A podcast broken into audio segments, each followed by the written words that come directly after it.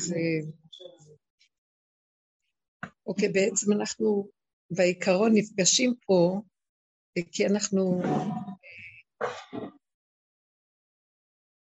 מגלגלים איזה דרך שאנחנו עובדים עליה הרבה הרבה הרבה שנים, והיא דרך, כדרכה של דרך להתפתח ולהתגלגל ולהגיע למקום אחר כל פעם.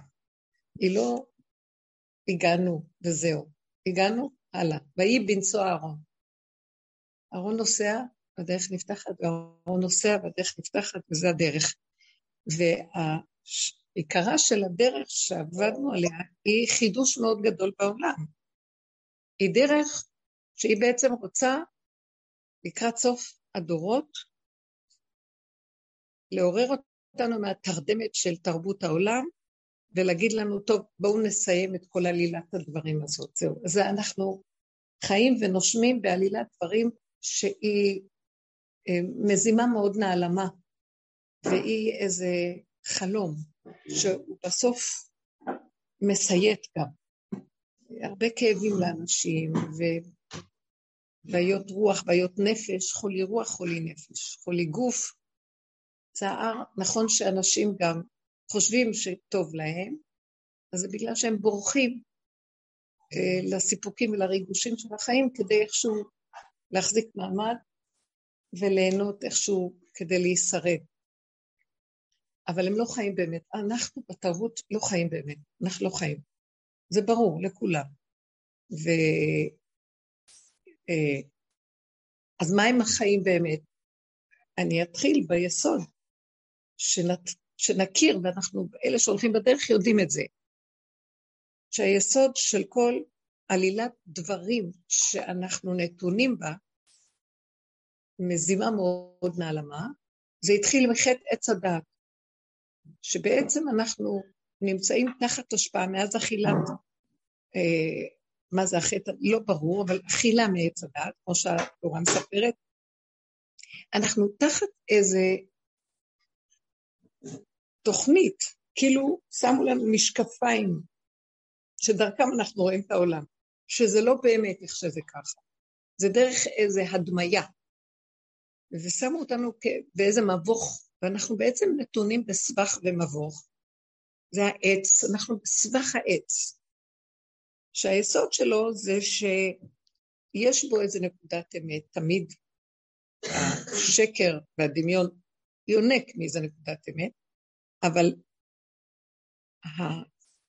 המנגנון של העץ הזה, התוכנה שבו, הזיכרון שבו, התכונה שלו זה לרבות, לעשות מדבר אחד עוד ועוד ועוד ועוד ועוד ועוד.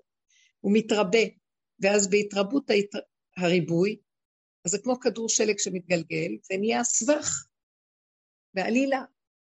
וככה חיים מתגלגלים, ומדבר לדבר לדבר חוקה, הסתברות, אה, אם עשינו ככה, משהו מתקלקל, וזה יתמשך לאורך כמה זמן, זה יתקבע כמציאות, ואז אנחנו פועלים, בני אדם מחקים אחד את השני, מתקבעים כמציאות, מתרגשים, וככה נהיית נפרסת לפנינו מפה של חיים שהם בעצם איבדו את עמדת האמת הראשונית שלהם, והם בעצם הולכים ומתגלגלים לפי חוק הנסיבות, חוק ההסתברות, מה שנקרא. וככה העולם נראה. במשך הדורות זה החריב את האנושות, בגלל שהדבר הזה, כשמשהו מתקלקל והוא מסתבך בקלקול שלו ואין לו מוצא, אז הוא בעצם הורס את עצמו. זה תהליך של אה, התקפה, איך זה אומר, אוטואימיוני, שזה מקיף את עצמו. וככה נחרבו העולמות בתחילה של הדורות, דור המבול ודור אנוש, דור, דור הפלגה, העולמות הלכו ונחרבו, כל העולם מתרועע, מבול היה השיא של זה. עכשיו יצאנו מהסיפור של סדור. אחרי המבול ואחרי הכל, טוב, אה, אז השם אמר לנוח, שים בתיבה תמצית של האנושות, שהרוב יהיה טהור, שבע חיות הטהורות ושתיים מכל הטמאות. ושלושה אנשים נעלים, שלושה בני נוח ואשתו והוא, הכי נעלים בבריאה. מהם יצאה אנושות, ועוד פעם התחילה לקלקל. כי הנחש בתוכם גם. ומה שלא יעשו שבודדו, ואז אותו עיקרון חזר. לא נעשה תיקון של חטא עץ הדת, לא תיקנו, אבל אה, אמרו בוא נתחיל עולם חדש. מה נתחיל עולם חדש? עם אותו עיקרון של חולי. וכך גם בסדום. מה קרה בסדום? שימו לב לחולי, ואני לא מדברת על סדום. ואני רק רוצה שנבין מה זה חטא עץ הדת בעיקרון שלו, ואיפה אנחנו ביחס לזה, כי תראו שזה אותו דבר כל הדורות. עם כל זה, שבכל אופן ניתנה תורה בינתיים, אבל בואו נחזור אחורה. סדום היה להם אה, רעיון עילאי, רעיון אמיתי. הם אמרו שהם לא יסכימו בשום צורה שתתפתח תרבות של הפקרות, אלא מידת האמת שהיא שייכת לדין.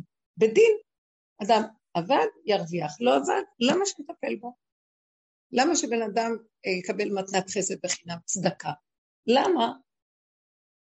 באמת גם התורה אומרת שההלוואה היא יותר גדולה מצדקה, כי צדקה זה נותנים לבן אדם, אבל אם נותנים לו צדקה, גמח, גמילות חסד אמיתית זה צדקה, זה, זה הלוואה, כדי שהוא יוכל לעמוד על הרגליים ויעשה עסק וירוויח ויחזיר את ההלוואה. אז זה חסד יותר גדול משנתינת צדקה בעצם, כי זה מעמיד את האדם על רגליו ונותן לו תמיכה שהוא לא נזקק. וכל אדם בצלם אלוקים ברא אותו, שהוא לא יהיה מסכן כזה נזקק לשני. אז הרעיון שלהם היה מאוד מאוד גבוה ויפה, הם לא הסכימו שתהיה הפקרות בשום צורה. זאת אומרת, היה להם רעיון נעלה, אבל מרוב שהרעיון היה נעלה, נעלה מאוד, נעלה, אישה נעלה, נעלה, נעלה, שאם בפועל יבוא איזה מסכן שאין לו מה לאכול, לא, לא שפר עליו חלקו בחיים, ולא, והיה רעב ללחם, אז הם יגידו לו, אין מתנת חסד וחינם. לא עבדת, לא תקבל. לא מתרגשים משום סיפור חיים, ולא מצב נפשי, ולא מצב גופני, ולא שום דבר, לא וזהו. זאת אומרת, הרעיון הגבוה שלהם עבר את גדותיו ביפייפות שלו, שהוא ניתק את עצמו מהמציאות העכשווית באדמה. זאת אומרת, להכליל את הדין בחסד, דין ורחמים ביחד. ובגלל זה העולמות הראשונים שהשם היה בורא עולמות מחריבה נחרבו כי הם לא היה בהם רחמים. אז סדום הם מהשיעריים של אה, הדורות האלה שנחרבו, ושהם נמצאים בכל דור ודור, אותם דורות שנחרבו מתגלגלים בדורות של האנוש כדי לחזור ולהיתקן, וככה זה היה בדורות הראשונים, עד שנחרב העולם במבול, וגם בטבע הוא נכנס. כמו שכתוב בחז"ל, גם שקר ופחתא נכנסו לטבע. שקר והפחת נכנסו גם לטבע. נכנסו לטבע, גם, אז העולם נראה ככה. אני מסתכלת היום ורואה, גם אנחנו בעולם, בתרבות שלנו, שימו לב את העיקרון, אני תכף אכנס ליסוד של התורה, אבל העיקרון שלנו מהו בעולם? בעולם הכללי. כל העולם, בסך הכל, בואו בוא, בוא, בוא לא נקדים את המאוחר. טוב, בא אברהם אבינו לעולם, צאצאיו קיבלו את התורה, לתקן את העולם, כי העולם מקולקל מאוד, ומה שלא עושים, חייבים לתת חוק ברור, חוק שהוא בא משורש גבוה, שיצר את היסוד של האנוש, והוא יודע מה טוב לו. חוקים טובים שמתאימים לעולם פה, אשר יעשה אותם האדם וחי בהם, ושלא אה, ידחוק את, את גדרו, ושלא יעבור את גבולו, ויישאר כל הזמן באיזון המסוים כדי שהעולם לא יתערער ועוד פעם יחרב. שזה החוקים של התורה, שזה בין אדם לחבר, וגם בין אדם לבוראו, שזה בין אדם לבוראו באמת, זה בין אדם ליחידתו. כרגע אנחנו מנותקים מהיחידה, אז זה בין אדם לבוראו, כי בוראו אחרי חטא צדת נהיה בשמיים, והוא לא יודע שהוא בתוכו בעצם. אז הוא, הוא, הוא עושה מצוות בין אדם למקום הן מצוות גבוהות כביכול. באמת באמת בסוף נגלה שיש בן אדם לחברו ויש בן אדם לחברו ויש בן אדם לחברו. ובאמת בן אדם למקום זה האדם עם עצמו, כי השכינה נובעת מתוכו. אז בעצם החוק הראשוני של בן אדם למקום חייב להתקיים כדי שבכלל יהיה בן אדם לחברו. זה בלתי אפשרי בן אדם, אם לא, אדם לא יאהב את עצמו ואהבת לרעך כמוך. אם הוא לא יאהב את עצמו נכון, זאת אומרת, זה לא אהבה של עץ הדעת, של אנוכיות, אבל אהבה שאחר כך משחקת אותה, אוהבת השני, כי אנחנו מתחנכים לא להיות אנוכים. אבל זה באמת אהבה אמיתית, עצמית, אהבת השכינה שבאדם, להגיע למדרגה הזאת, ומהחיבור המתוק הזה, כל מה שבא במחיצתי מתוק לו גם. אני לא צריכה לרוץ לעשות מעשים של התמסרות, אבל בואו נחזור, כי הקדמנו את המאוחר. אז באה התורה, והתורה אמרה, דבר ראשון, כשהתורה הראשונה הגיעה, הלוחות הראשונים, שזו אותה תורה, אבל הלוחות הראשונים, היא דיברה כמו שאני מדברת עכשיו.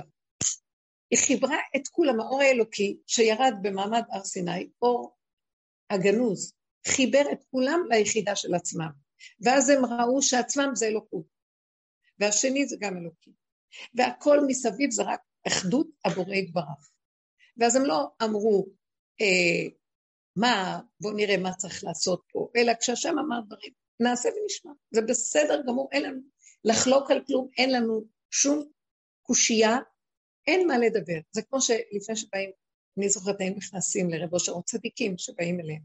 אנחנו באים עם שאלות. למה הולכים לצדיקים? יש שאלות. נכנסים אליו, לצדיק, או לגדול תורה. אין לך מה להגיד. אצל גדול תורה זה שונה, כי יש לך שאלה. אצל צדיקים, ברכה, כל הטרוניות, הטענות, הכל נגמרות. נעלמת השאלה גם. אז, אז כל כך שמח וטוב לך, בלי שאלות, בלי קושיות, הכל בסדר. חוזרים. כי נגמר העניין, רואים את פני שכינה ונגמר כל הסיפור. מה? אז המקום של התורה היה מהיסוד הראשוני, כמו שכתוב, ואני אמרתי, אלוקים אתם ובני עליון כולכם. כרוז יצא ואמר, אתם, גמרנו, במעמד מתן סיני, מתן תורה. אה, לא זכינו ללוחות האלה, נשברו. ואז התורה הייתה חייבת להיכנס לתוך החוק של הדמיון. בלוחות הראשונים בהערה של גילוי השם, נגמר הדמיון, נעלם האני, נעלם המסכים, נעלם, נעלמו המשקפיים שדרכם אנחנו רואים את העולם. ואיך אנחנו רואים את העולם? במשקפיים של עץ הדת. אנחנו לא רואים נכון, אנחנו רואים כמו שרואים דבר הפוך, מזוגזג. אני רואה את השני והשני מאיים עליי. ואז אני מאשים אותו שהוא מאיים עליי, ואני לא רואה שמה שמאיים עליי נמצא אצלי.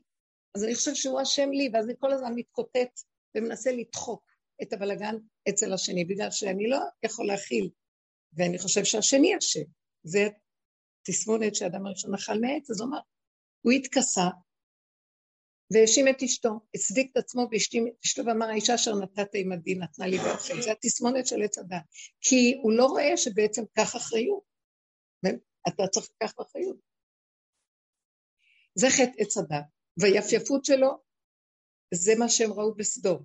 רואים את השני לא בסדר, אתה לא בסדר. אבל כשאתה דן אותה בצורה כמו שאתה דן אותו, משהו חסר גם אצלך, תיקח אחריות. למה?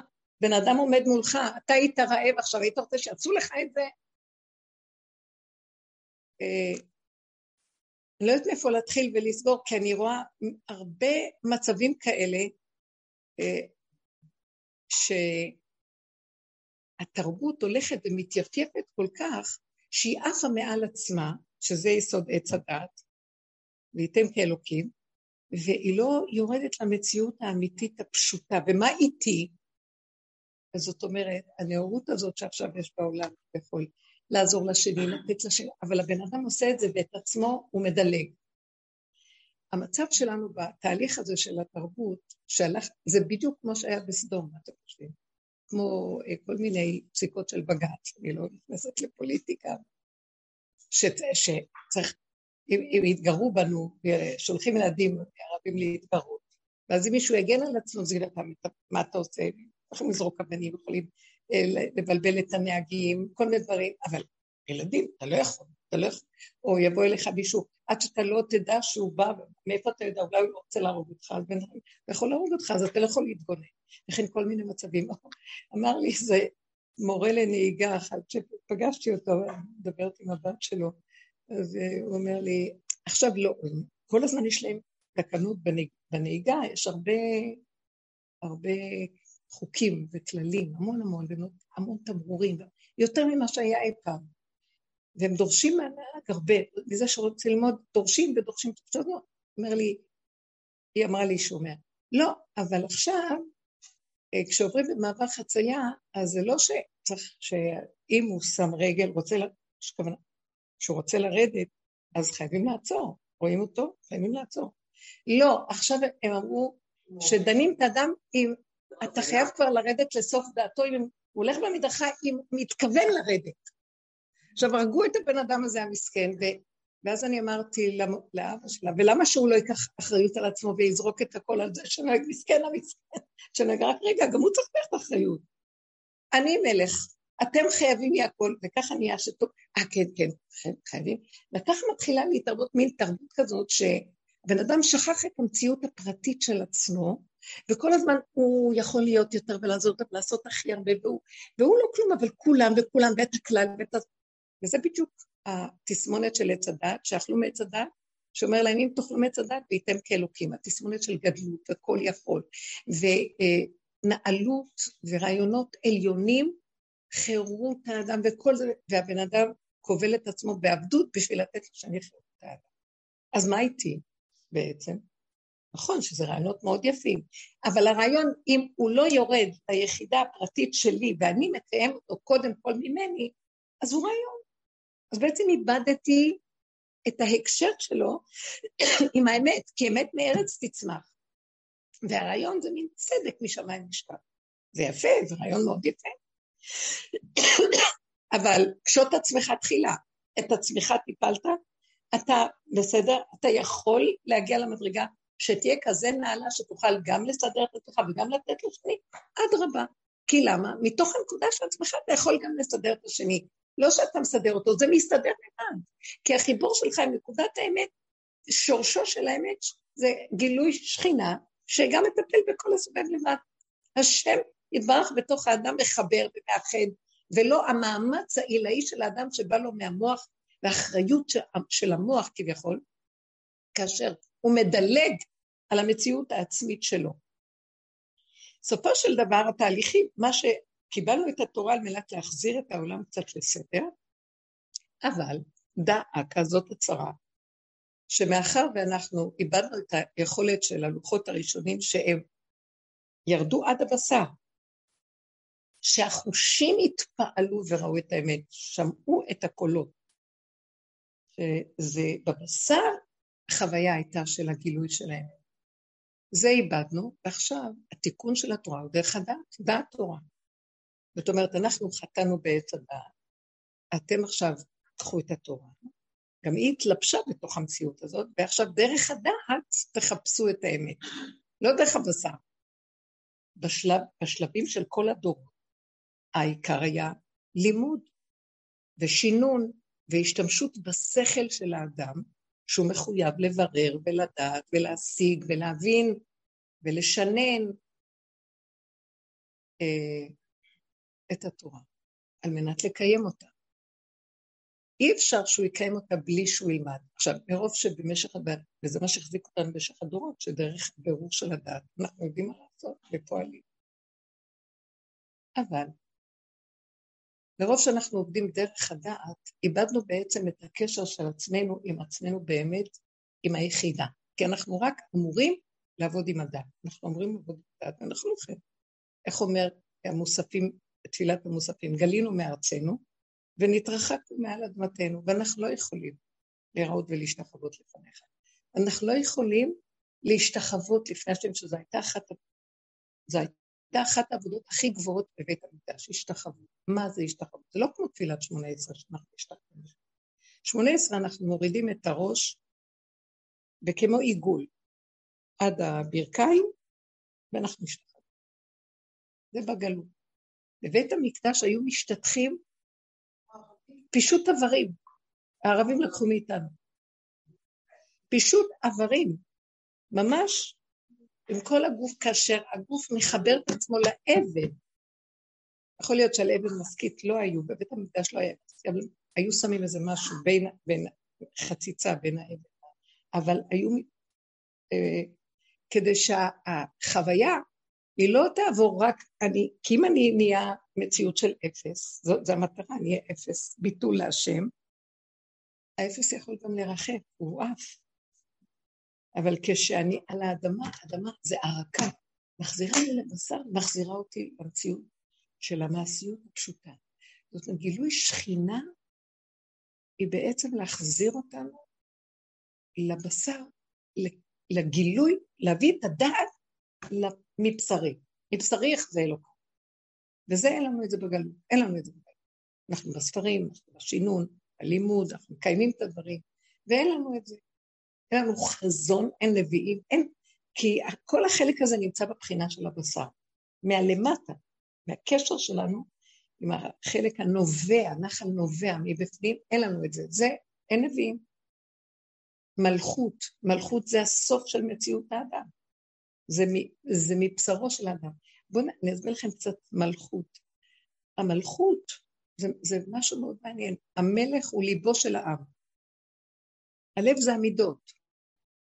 והמידות, בשורש של המידות, זה שייך לדמים ולגוף, נפש, גוף. המלך, השורש של המידות, התחתית שלהם זה להביא את הדעת לתוך המידות, זה להרגיש את הגבוליות והגולמיות של האדם. זה התכלית של כל המידות. כמו שאמרתי לכם, פישוט הדברים. התכלית, אין לי שכל, כי אני מתבטל בפני שכל כל הזכלים. אין לי מציאות עצמית. לא רק בידיעה שאני, אין לי מציאות עצמית, אלא בפועל ממש. המלך היה כמו גולם. פעם את אמרת לי, מלך וגלם, גל, כל זה מלש וכל הסיפור הזה, אותיות מתחלפ, מתחלפות. המלך, שימו לב, המלך הוא בעצם כמו, הוא בערך, אפשר להגיד שהוא מוגבל, כי צריכים לבשל לו, יש לו רק אחות וטבחות ואופים, ויקחו אותו ויביאו אותו ויסדרו לו ויעשו לו. כל העם מוכן לתת לו את כל הפעולות, שהוא ייתן להם את כוח החיבור שלו, מאחר והוא מגיע לגולמיות ולחיבור העצמי שלו לאדמה, אז הוא משם שואב שכינה, כמו אה, שמחת בית השואבה, שהיו שואבים, ומהמקום הזה הוא מביא שמחה ומביא חוכמה אמיתית, חוכמת הלב, לב שומע, לב של אמת, פועם לעם, וכל העם מוכנים לשרת אותו שייתן להם את הנקודה הזאת. זאת אומרת, המלך יש לו איזה משהו שזה נקרא מלכות. המלכות היא הסוף, הכלי הריק של הדבר, ששם יכול להיכנס האנרגיה הזאת של שכינה ולהשפיע מה שהדעת לא יכולה. הדעת שאנחנו משתמשים בה היא כאילו. יש לנו נאורות, יש לנו שכל, יש לנו כישרונות, ויש שם אני, ואדם חושב שזה הוא. בעצם נתנו לו כישרונות ונתנו לו שכלים, אבל זה לא הוא, דרכו פועל איזה כוח שנותן לו את זה, אבל הוא חושב שזה שלו. ואז שהוא חושב שזה שלו, אם מישהו יעליב אותו, אז הוא יעליב אותו בחזרה, ואז הוא ילך לחפש חבר אחר, ואז זה הכדור הזה שמתגלגל, והבני אדם שכחו שבעצם, מה אתה נעלב? שאומר לך גולם, אתה באמת גולם. למה אתה, למה אתה עזבת את החבר? בעצם אתה לא צריך להתחבר או לא להתחבר, יש מי שמחבר במילא, אם אתה בורח ממנו, אתה בורח מעצמך, אז לאן אתה הולך? עמוד על עומדך, קודם חזור לאחוריך, בקיצור, ואל תרוץ קדימה. עכשיו, כל המהלך הזה של כל הדורות, הם בסך הכל מבררים את הטוב מן הרע, שהעולם לא יהיה מקולקל. כי זה החוקים ובדע. סוף הדורות מגיע, כמו שאמרתי, ואנחנו חייבים לפרוץ את הגדר ולצאת משכל, מהרגע, מה, מהמציאות הטבעית של שכל ששוקל ותורה ומבין ובוחר, וזה אומר בכו וזה אומר בכו, ובאמת, באמת, זה סבך שדרכו אנחנו חיים, מבררים לנו פה הלכה ופה איזה עניין, ככה אנחנו חיים דרך זה, אבל לקראת הסוף זה ילך ויסתבך, כי בסופו של דבר זה הסבך של עץ הדת. וגם עם כל הבירורים שעשו, שהוציאו את הטוב מן הרע ובררו, טמא מן הטהור, מותר מן האסור, כשר מן הפסק. בסופו של דבר, בסוף הדורות, אנחנו לא כל כך ברור לנו מה טמא ומה טהור, מה מוכן ומה נכון ומה לא. אז הולכים לזה, וזה יגיד ככה, אז הולכים לזה וזה סובר ככה, והולכים לזה וזה סובר. יש להם שיטות על מה שהם סוברים, אבל זה עדיין הכל בתוך המוח. ואין איזה פריצת דרך להביא לנו, כמו שאמרתי, איזה חזון מכיוון אחר לגמרי. וקצת ראינו את זה בקורונה. הכל נתקע. גם הרבנים לא ידעו כי יש לנו מה שיש לנו בפסק של השכל הטוב, אז לכו למקצועיים. בסופו של דבר לא היה איזה חזון של משהו אחר. אז לא היה, כי אם ככה, אז נשב בבתים, אם ככה, אז לא נלמד בבית המדרש, אם ככה, אז לא נתפלל בבית, אם ככה, שמתם לב? וזה בסדר. חלילה אין, כי זה מה יש. השכל, מה שהוא אומר לנו. יש משהו מעבר לזה? למה אנחנו מחכים למשיח? מה? שיביא לנו משהו אחר, לא? אומר אה, בקהלת רבה, תורת העולם הזה, שאנחנו לומדים פה, היא כהבל לפני של משיח. זאת אומרת, הוא יפרוץ איזה גדר מכיוון אחר לגמרי, שאנחנו לא יודעים, ויביא לנו אה, אור חדש על ציון תאיר, שאנחנו פסקים חטבים, שיפתח את התקיעות, שאנחנו לא יכולים, אין לנו רשות לפתוח אותה. איך? איך? אותה תורה, אבל בתוך התורה לא רואים הרבה דברים. לעתיד לבוא נראה פסקים שלא רואים אותם. החכמים יגידו איזה...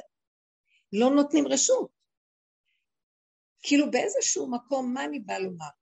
שיתחיל לקראת הסוף לזרום אור חדש, אבל האור הזה שבא ויורד, הוא לא יכול להתגלות פה, כי אנחנו תחת תרדמת והכלים שלנו מלוכלכים. המידות שלנו, אנחנו יושבים בדעת מאוד מאוד מבוררים, כביכול. אבל אז למה אין בהירות? כי המידות לא מבוררות. כי כשהמידות לא מבוררות, גם הזכלים לא יהיו מבוררים כראוי. כשיורדים למטה למטה ורואים את הבלגן העצמי שלנו, כשאני רואה, מה את נעלבת? שהוא אמר לך גולם. אז באמת גולם. לא, אני לא חושבת. זה הדמיונות שלך.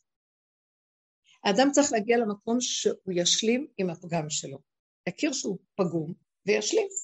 כי אם לא, למה אנחנו באים בכיפור ומתוודים את חטאותינו? למה אנחנו באים להתוודות את חסרוננו? אנחנו מושלמים הלא. כל כולו של יום הכיפורים צריך חיסרון אחד גדול. מכף רגל ועד ראש אין מתום בבשרי. זה כאילו הסוף של הדורות יהיה במקום הזה, ואז מתגלה אור הכי גדול בעולם, שאומר, סלחתי כדבריך, גמרנו, עזוב. לא שחטאת, כי אתה חטאת, אכלת מעץ הדת, אבל גם לא יכולת לצאת מזה, ואין לי טענה עליך, זה רק עלילת דברים. אני רק רוצה שתכיר ותודה, מודה ועוזב ירוחם. הוא מכסה שם, לא יצליח. אז מה אתה חושב שאתה? למה אתה? כי אנחנו תחת תרדמת שלא נותנת לנו לראות את מצבנו האמיתי. וכל הדרך הזאת שאנחנו עובדים, מיסודו של אה, אליהו הנביא, רב אושר, שדרך היא דרך הבעל שם טוב, אבל זה גם מושתת על שיטת הארי, שהכל זה מעץ הדעת. אז מה אנחנו בעצם צריכים לעשות, שזה הדרך של דוד המלך? שהוא עשה את התיקון לאדם הראשון של חטא עץ הדעת, שהוא פשוט אמר חטאתי נגדי. כל עבודתו העיקרית הייתה להודות שחטאתי נגדי תמיד.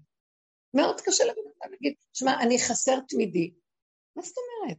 דוד המלך היה אדם חכם וצדיק, הוא גם היה מראשי הסנהדרין, הוא לא היה אדם פשוט. הוא גם, היה, גם הגיע למקום שאמר פשוט. איך?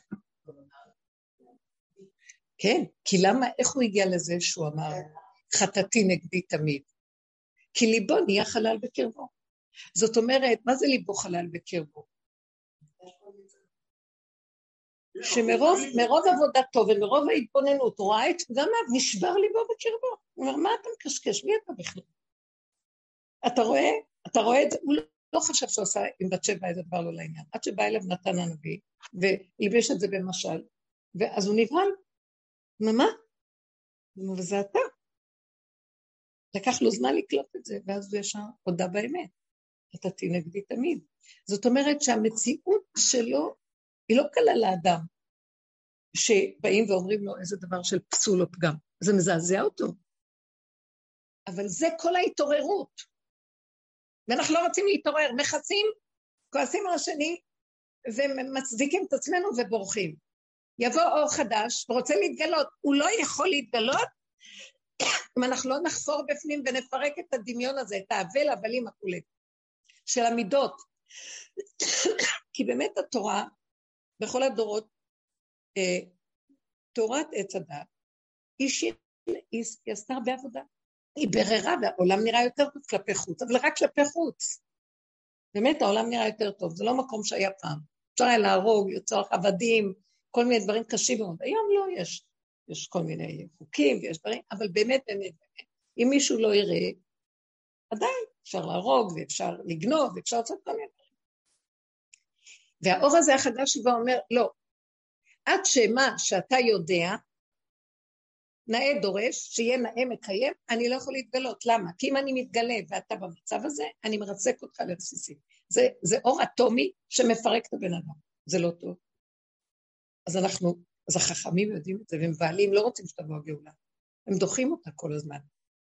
כי אולי, אולי יבררו עוד, אולי יתקנו, אולי הם דואגים לנו, אכפת להם. אנחנו במצב מאוד לא פשוט. אבל uh, העם כבר לא יכול לסבול, הוא צורח, והעם ינצח. אבל העם סובל מאוד, ולא יכול יותר להכיל את הסבל. לפחות הוא מודה, אני כבר לא יכולה, אני כבר לא יכולה, כבר אנשים כבר לא, כבר אנשים כבר לא באים אחד על השני כמו שכבר לא יכולים לסבול את החיים עם עצמם. זאת אומרת שהדרך הזאת שעכשיו קיבלנו ועבדנו איתה, היא גם מגיעה לסיום. שאני לא יכולה יותר לראות שאני פגומה. למה? לא בגלל שאני לא חושבת שלא, אני מרוב שאני פגומה, טוב, רבאק, כבר עודנו, אני לא יכולה להגיד, זה מה שאני וזהו. וכשאני במקום הזה, אני מתחילה לחבק את עצמי ואומרת, אבל זה מה אין לי כעס על השני, אין לי האשמה על אף אחד, אני אומרת לעצמי, אבל זה מה שאני כבר לא יכולה כלום. אני משלימה ומקבלת עם עצמי איך שאני. זאת אומרת, ההוא עוד הולך ואומר, לא, אה, התרבות, תחוקקו חוקים כדי לעזור לשני, ושהשני ינצל, ואתם, אה, הנהגים, צריכים להיזהר, רק תשימו לב למה הוא מתכוון, הוא ירד מהמדרכה או לא, תוך כדי נסיעה, כן? אתה יכול לדרוס מישהו מכיוון אחר, או להיתקע במשהו, אבל לא, הוא, כן? לא, אז, אז בא, בא עכשיו הסוף של הדרך ואומרת, לא, אבל אני קודמת. אני לא יכולה, אני גבולית, אני לא יכולה גם לנהוג וגם להסתכל וגם להבין מה הוא מתכוון, וגם זה, וגם, ובא אדם קטן ופשוט ואומר, חבר'ה, השתגעתם כבר, נכון? אני לא יכולה... אה, סיפרה לי היום מישהי בבקעה, שילדים שם התחילו לזרוק מהבדואים אבנים, והיא עברה במכונית, ואז אה, היא, היא פחדה, שאם היא אה, תצא או תעשה משהו, יכולים לחסל אותה. אז היא גם פחדה שיבוא איזה משהו ויגיד לה, מה, אבל הם ילדים, אז, אז היא חטפה מכה, כמו שצריך, לקחו אותה לבית חולים, וטיפלו בה, כי לא יכולה לעשות שום דבר. אז uh, אני אמרתי לה, הלכתי לבקר אותה בבוקר, אמרתי לה, תשמעי רגע, היית צריכה להוציא את האקדח ולראות. ככה היית צריכה לעשות, שמעת? אין לה אקדח. אה, איך? כן. אז לא, אני באתי ואמרתי את זה בצורה שהיא כאילו נשמעת, אה, איבדנו את השפיות. רגע, אבל להורגך השכם לא אתה לא יכול לשחק עם... יש רגעים שאתה לא יכול לשחק בחיים שלך, מה? מה אתה רוצה להיראות? נאור מול מי? שאחר כך ייקחו אותך לתכריכים אה, לקבורה. הנאור הנהדר ויספידו אותך על נאורותך. כי טוב לכלב החי מן האריה המת. טוב, אני רוצה לחיות, נו מה? יש כאן חוק חיים. אז מה הולך פה? אז המצב הזה שאיבדנו את הנקודה, הוא לא נובע, זה נובע מיפייפות שעלתה מדי, והיא לא מחוברת לשורשים. כשנתחבר לבשר הפשוט, ובין הדעת הגדולה שיש לנו, שאנחנו כל כך מלא דעת, בספריות, בספרים הכול, נתחיל להתאזן עם המידות, כי אנחנו רואים, אבל אנחנו, אין מתום בבשרנו, אז פתאום להתחיל להגיד יותר מדי ספריות ודעת, כאשר המידות לא מכילות את מה שאנחנו יודעים. כשלא אין הכלה, אז עפים יותר גבוה. לא, לא, לא, לא, לא. הכל צריך להיות באיזון, לומדים ביחס למה שיודעים. ללמוד ולמד, לשמור, לעשות ולקיים, כל דברי תלמוד. זאת אומרת, הכל צריך להיות באיזון,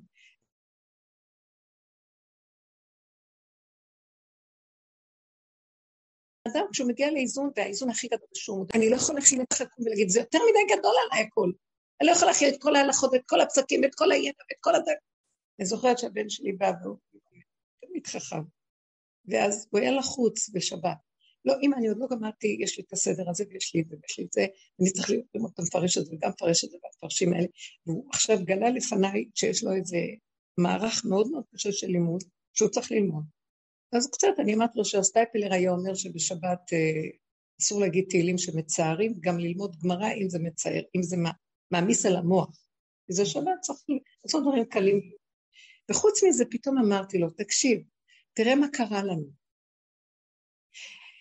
המפרש שאמר את מה שהוא אמר, אז היה מפרש, והיה עוד מפרש, נהיה. עכשיו, במשך הדורות הצטברו הרבה מפרשים, מפרשי הגמרא למיניהם. התלמיד האחרון יבוא, הוא צריך ללמוד גם את זה וגם את זה וגם את זה וגם את זה וגם את זה וגם את הפרש, אז גם את הפרש, גם את אה, וזה הראשון שהיה גאון, היה רק אחד. והוא נחשב יותר גדול מכולם, כי הוא היה, אמר, לא, אני לא יכול להכיל את כולם, רק אחד. כלומר, תבינו, זאת אומרת לו, זה לא, זה פחת של הדורות, שזה דמיון שלך, שאתה יכול להכיל את הכל. ומצד, אני לא באתי להגיד לו עכשיו, אל תעשה את זה, רק, רק, רק אגיד לו, אמרתי לו. אז תבין רק שאנחנו עדיין בגלות מאוד גדולה, וזה נקרא תלמוד בבלי.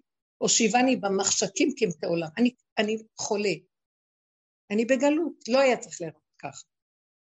היינו צריכים לחיות וגם להתעסק בלימוד, והלימוד שלנו היה אמיתי, וחי איתנו במידתיות של החיים, ואז היינו פחות רוצים להיות גדולים, והיינו אמיתיים עם מה שאנחנו, מי צריך להיות גדול? אף אחד לא ציווה אותנו להיות גדולים ויכולים וכל יכולים. ציוו אותנו ליהנות, כל אחד במה שנתנו לו, ובאמת שהיינו מחוברים לכלים האמיתיים שלנו, שכינה נובעת מאיתנו, והיא הגדולה, והיא פועלת דרכנו. האור האלוקי שבתוך הבריאה כאן פועל בשביל האדם, וגם אין שם גדולות ונצורות. הכל, לא עליך המלאכה לגמור, ולא אתה בן חורין להיבטל ממנה, והכל מאוזן והכל נכון. אבל הלחץ והמתח והחרדה והרצון לגדול ולקבל ולעשות ולהיות ולהשיג, והכל בטוב כמובן, אני לא מדברת על דברים, ערכים שאין להם, זה חולי. אני חוזרת ואומרת עוד פעם, הסנהדרין היו יושבים בלשכת הגזית, 70 החכמים שהיום אין לנו אותם, שהם היו הפסיקה האחרונה בישראל, אסור היה לערער על הפסק שלהם. שהיום יש הרבה בתי דינים, ואחד יכול לערער על שני. הולכים אחרי בית דין יפה, נניח, אבל יותר, יותר, שיש בו יותר חכמים ידועים, אבל יכולים לערער. בית הדין, בית הסנהדרין ישבו בלשכת הגזית שהם ישבו בעזרת ישראל, בהר הבית בעזרת ישראל. והמקדש עצמו, מחנה שכינה, זה היה מחנה ישראל, לא מחנה ישראל, מחנה לוי. מחנה השכינה, היה, כשהיו הכוהנים, היה דרגה יותר פנימית. למה הם לא ישבו איפה שמחנה שכינה? כי מחנה שכינה היא המדרגה ששם אין ספרים. זה לא לא לימוד של דעת. מה היו עושים במחנה שכינה הכהנים? מקריבים קורבנות, קורבנות, קורבנות, לחם הפנים, קטורת, כל מה שעשו בעבודות, הדליקו את הקורבנות. עכשיו, האור הזה, שתוך כדי זה שהם עבדו בבית המקדש בפעולות הפשוטות הנקיות המדויקות, שזה במעמד סוג אחר, נקיות של מידות מדויקות והכל מדויק, ותוכנית עבודה שהיא לא בעולם, היא שמימית שיורדת לפה, אה, האירה את השכל של החכמים שיכלו להוציא פסקים, זה העיר, נתן להם אור, שיכלו להוציא פסקים שאין עליהם עוררים. הם קיבלו השראה מהפעולות. אתם מבינים מה אני אומרת כאן? אה, כי אנחנו אומרים שיבנה בית המקדש במהרה בימינו ותן חלקנו בתורתך. מה הקשר של בניית בית המקדש ותן חלקנו בתורתך? כי יש לנו תורה גם אה, כל הגלות בלי בניית בית המקדש. זאת אומרת שהחלק הנכון של התורה בעצם תלוי אם יש אור כזה של אמת שיורד עלינו, והוא מעשי ופשוט. והוא נותן את החיות לשכל, הדת התורה הנכונה, ואין את זה היום. כי אין את הפעילות הפשוטה של הניקיון המדויק, של המידתיות הנכונה. הכהנים עבדו בדיוק וב... ברמה פנימית מאוד מאוד. זה משהו שאנחנו צריכים להבין אותו. עכשיו, איך? לא, הם לא עשו את זה בדעת, לא. לא, ממש לא. לא היה ספר אחד בבית המקדש. זה לא רק טכני, זה היה בביטול. ביטול. זה לא היה ישות, לא הייתה ישות עצמית. מי שמגיע למקום, תראי, גם זה אי אפשר היה להיכנס בלי אה, טהרה, כן? ואי אפשר היה להיכנס, היו כללים מאוד רבים איך להיכנס לשם, מחנה זה לא היה סתם. יש, אני לא נכנסת לזה, אבל... אה, ישראל לא יכלו להיכנס לשם הכהנים. רק הכהנים יכלו להיכנס לשם. וגם הכהן, היה כהן אחד נכנס לבית המקדש. בית המקדש היה ננעל בלילה ולא נכנס שם אף אחד בכלל. סליחה, והלוויים היו גם לפני הכהנים, ובמדרגות שם היו שרים, ואז היו מקריבים את הקורבנות, ואז השירה על הקורבנות, והם היו לוויים, והיו במקום שהכהנים הם יותר נמצאים במקום אה, קרוב יותר לעניין של השכינה. זה מדרגות שונות, ויש שם הלכות רבות של טהרה. על כל מקרה, אני רק רוצה לומר שבסופו של דבר, למה אנחנו כל כך רוצים שיהיה בית מקדש? כי אנחנו רוצים את האור הזה שיורד על הגוף הפשוט, שאחר כך ישרה את הדעת הנכונה. שמעתם? השכינה נותנת דעת נכונה. וכשאין שכינה, אין חזון, אין אה, נבואה, אז בסופו של דבר יש לנו דעת, ודעת החכמים היא גדולה, ואלמלא זה לא הייתה יהדות בכלל. זה דבר גדול, מה שהחזיק אותנו כל הגלות, ועשה את הכדור הכי גדול בעולם. אבל בסופו של דבר, לקראת הסוף, רוצים שכינה.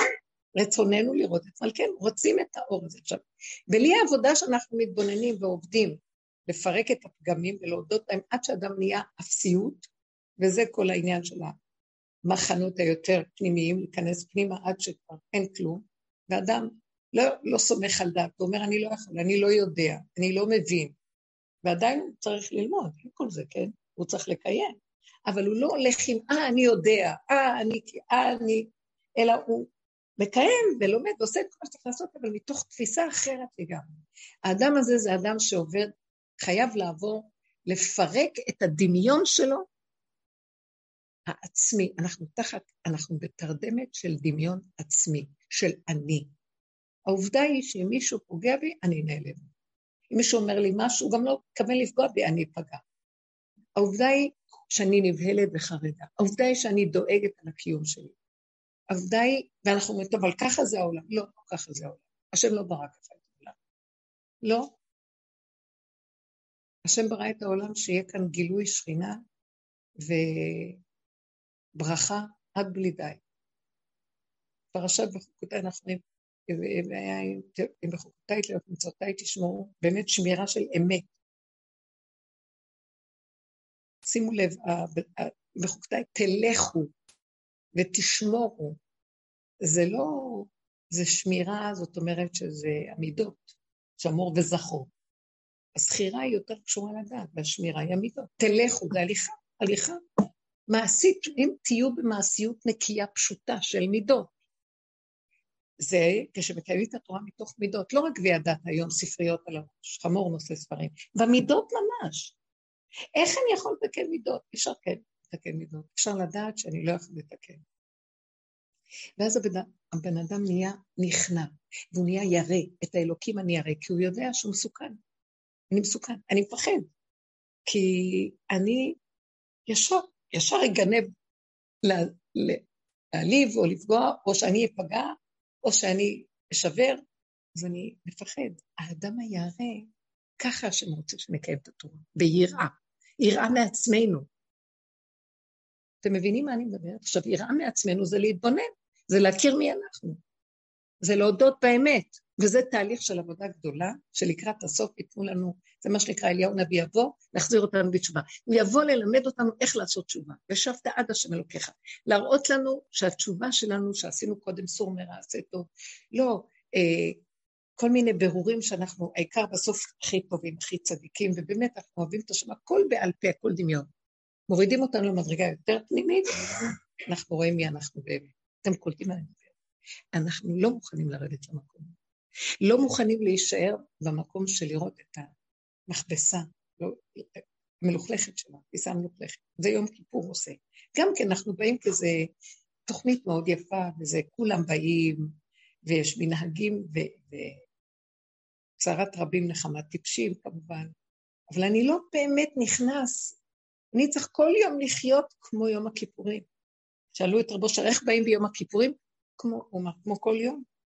כי אצלו העבודה שלו הזאת הייתה כל יום ככה, כל יום הוא דן ושפט, בן דין קטן של שופט ודן בחורים וזה, גדולי המוסר היו עושים את זה, ואנחנו חושבים שזה גדולי המוסר. לא, כל אדם ואדם ואדם, ולקראת הסוף ידרשו את זה מכולם.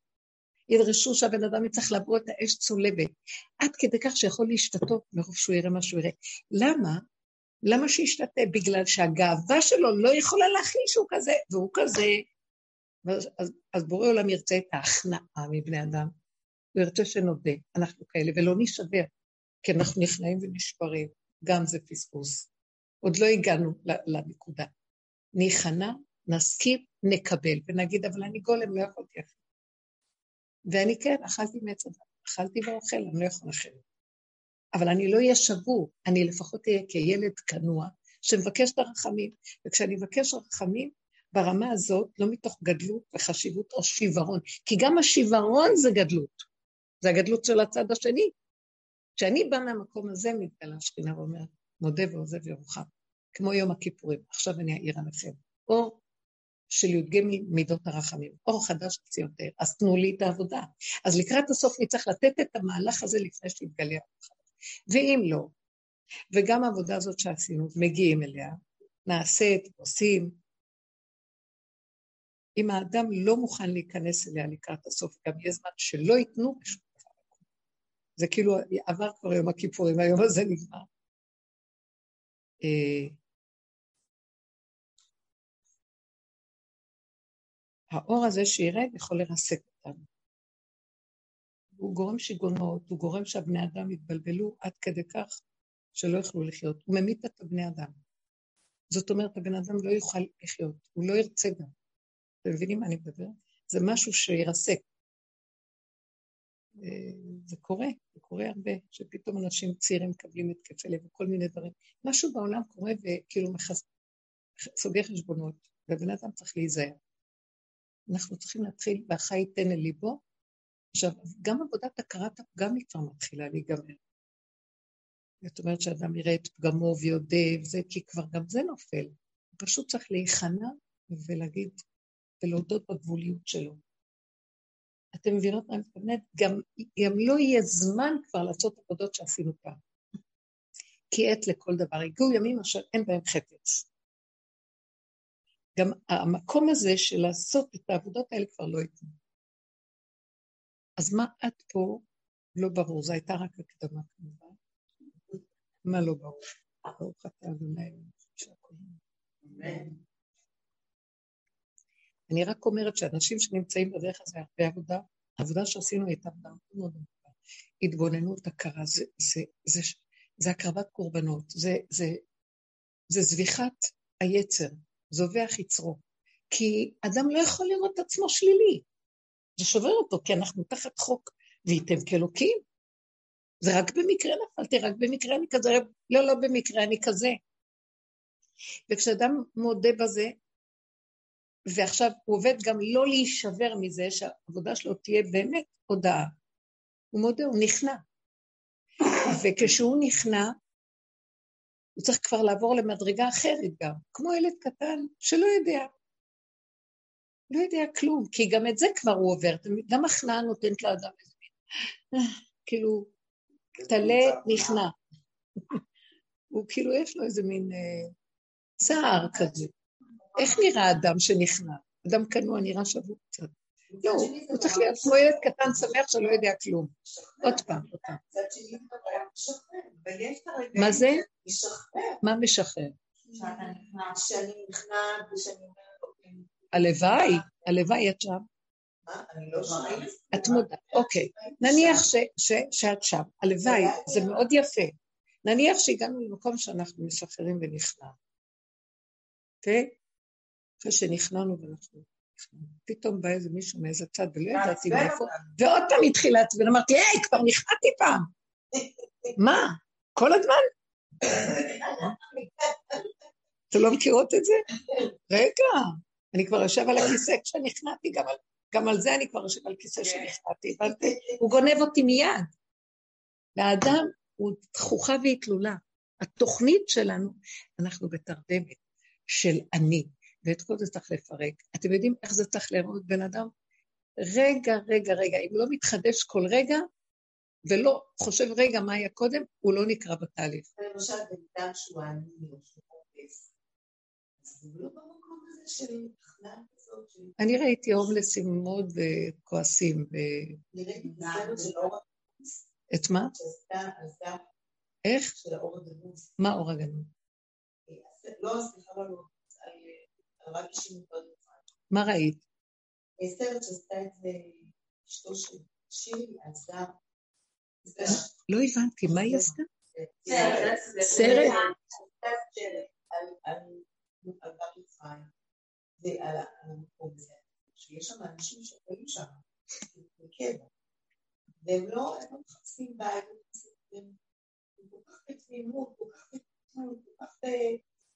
הם לא מתביישים להראות את כל מה שיש להם, כאילו, שמים הכל על השולחן, כי אין להם מה להפסיד, הם כאילו מחוברים לשם בצורה ישירה. מאוד יפה. ומה עם אשתו והילדים?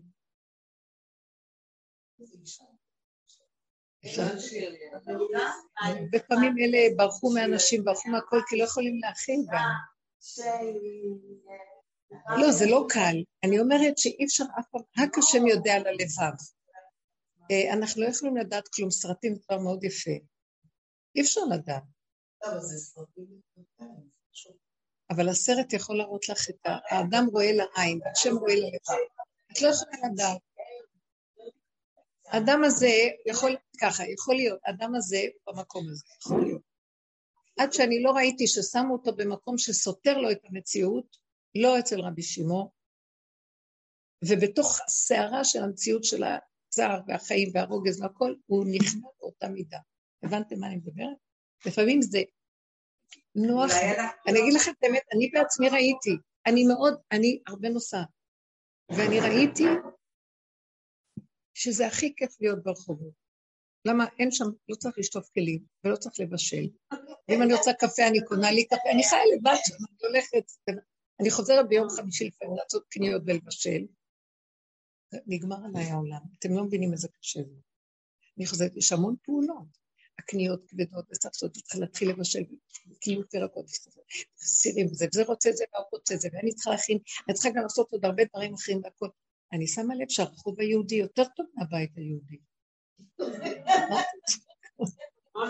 לא, זה כן, ברחוב יש, אפשר לקרוא קפה פגיעה, ואפשר לראות אנשים, זה מאוד נחמד ונוסעים וזה. לא, באתי לומר שברחוב, לפעמים כל העומסים בזה, הם לא רוצים, אפילו שייתנו להם בתים הם לא רוצים. אתם יודעים למה? הם לא רוצים, כבר היה איזה סרט גם כדוגמה. אז הוא אמר, לא, מה, אני צריך לנקות את הבית? מה כאן מביאים לי, זה נותן לי קפה, נכון. מרחם עליי, זה מביא לי, זה מרחמים עליי.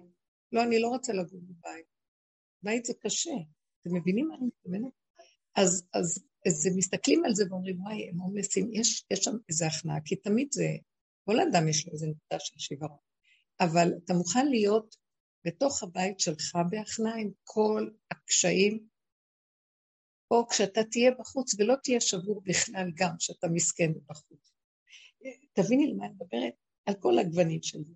וזה לא קל, כי אנחנו כאן אה, מדברים על האמת של הדבר, לא סרט ודברים נחמד ורעיונות, עפים באוויר, ועכשיו יתחיל להיות רן כזה, כולם הומלסים, ההומלסים מסכנים וזה וזה, ואני רואה שהאלה שמחפשים לעשות חסד עם ההומלסים, יותר מסכנים מההומלסים. האדם לא מכיר את מציאותו, אתם מבינים מה? והדרך הזאת שאנחנו עובדים עליה שמה בחורים ובסדקים פנס ודורשת האדם, תראה את האמת שלך, אל תשקר, תודה באמת. וזה קשה, תודה באמת. כי רק מודה באמת, מודה ועוזב אומרת, אתה לא צריך להיות מושלם או מסכן, אתה צריך להשלים עם המסכנות ולהשלים עם החיסרון. בלי טיפה טרוניה, יכול? זה הרבה יותר קשה. אפשר לבקש אפשר מה? רק.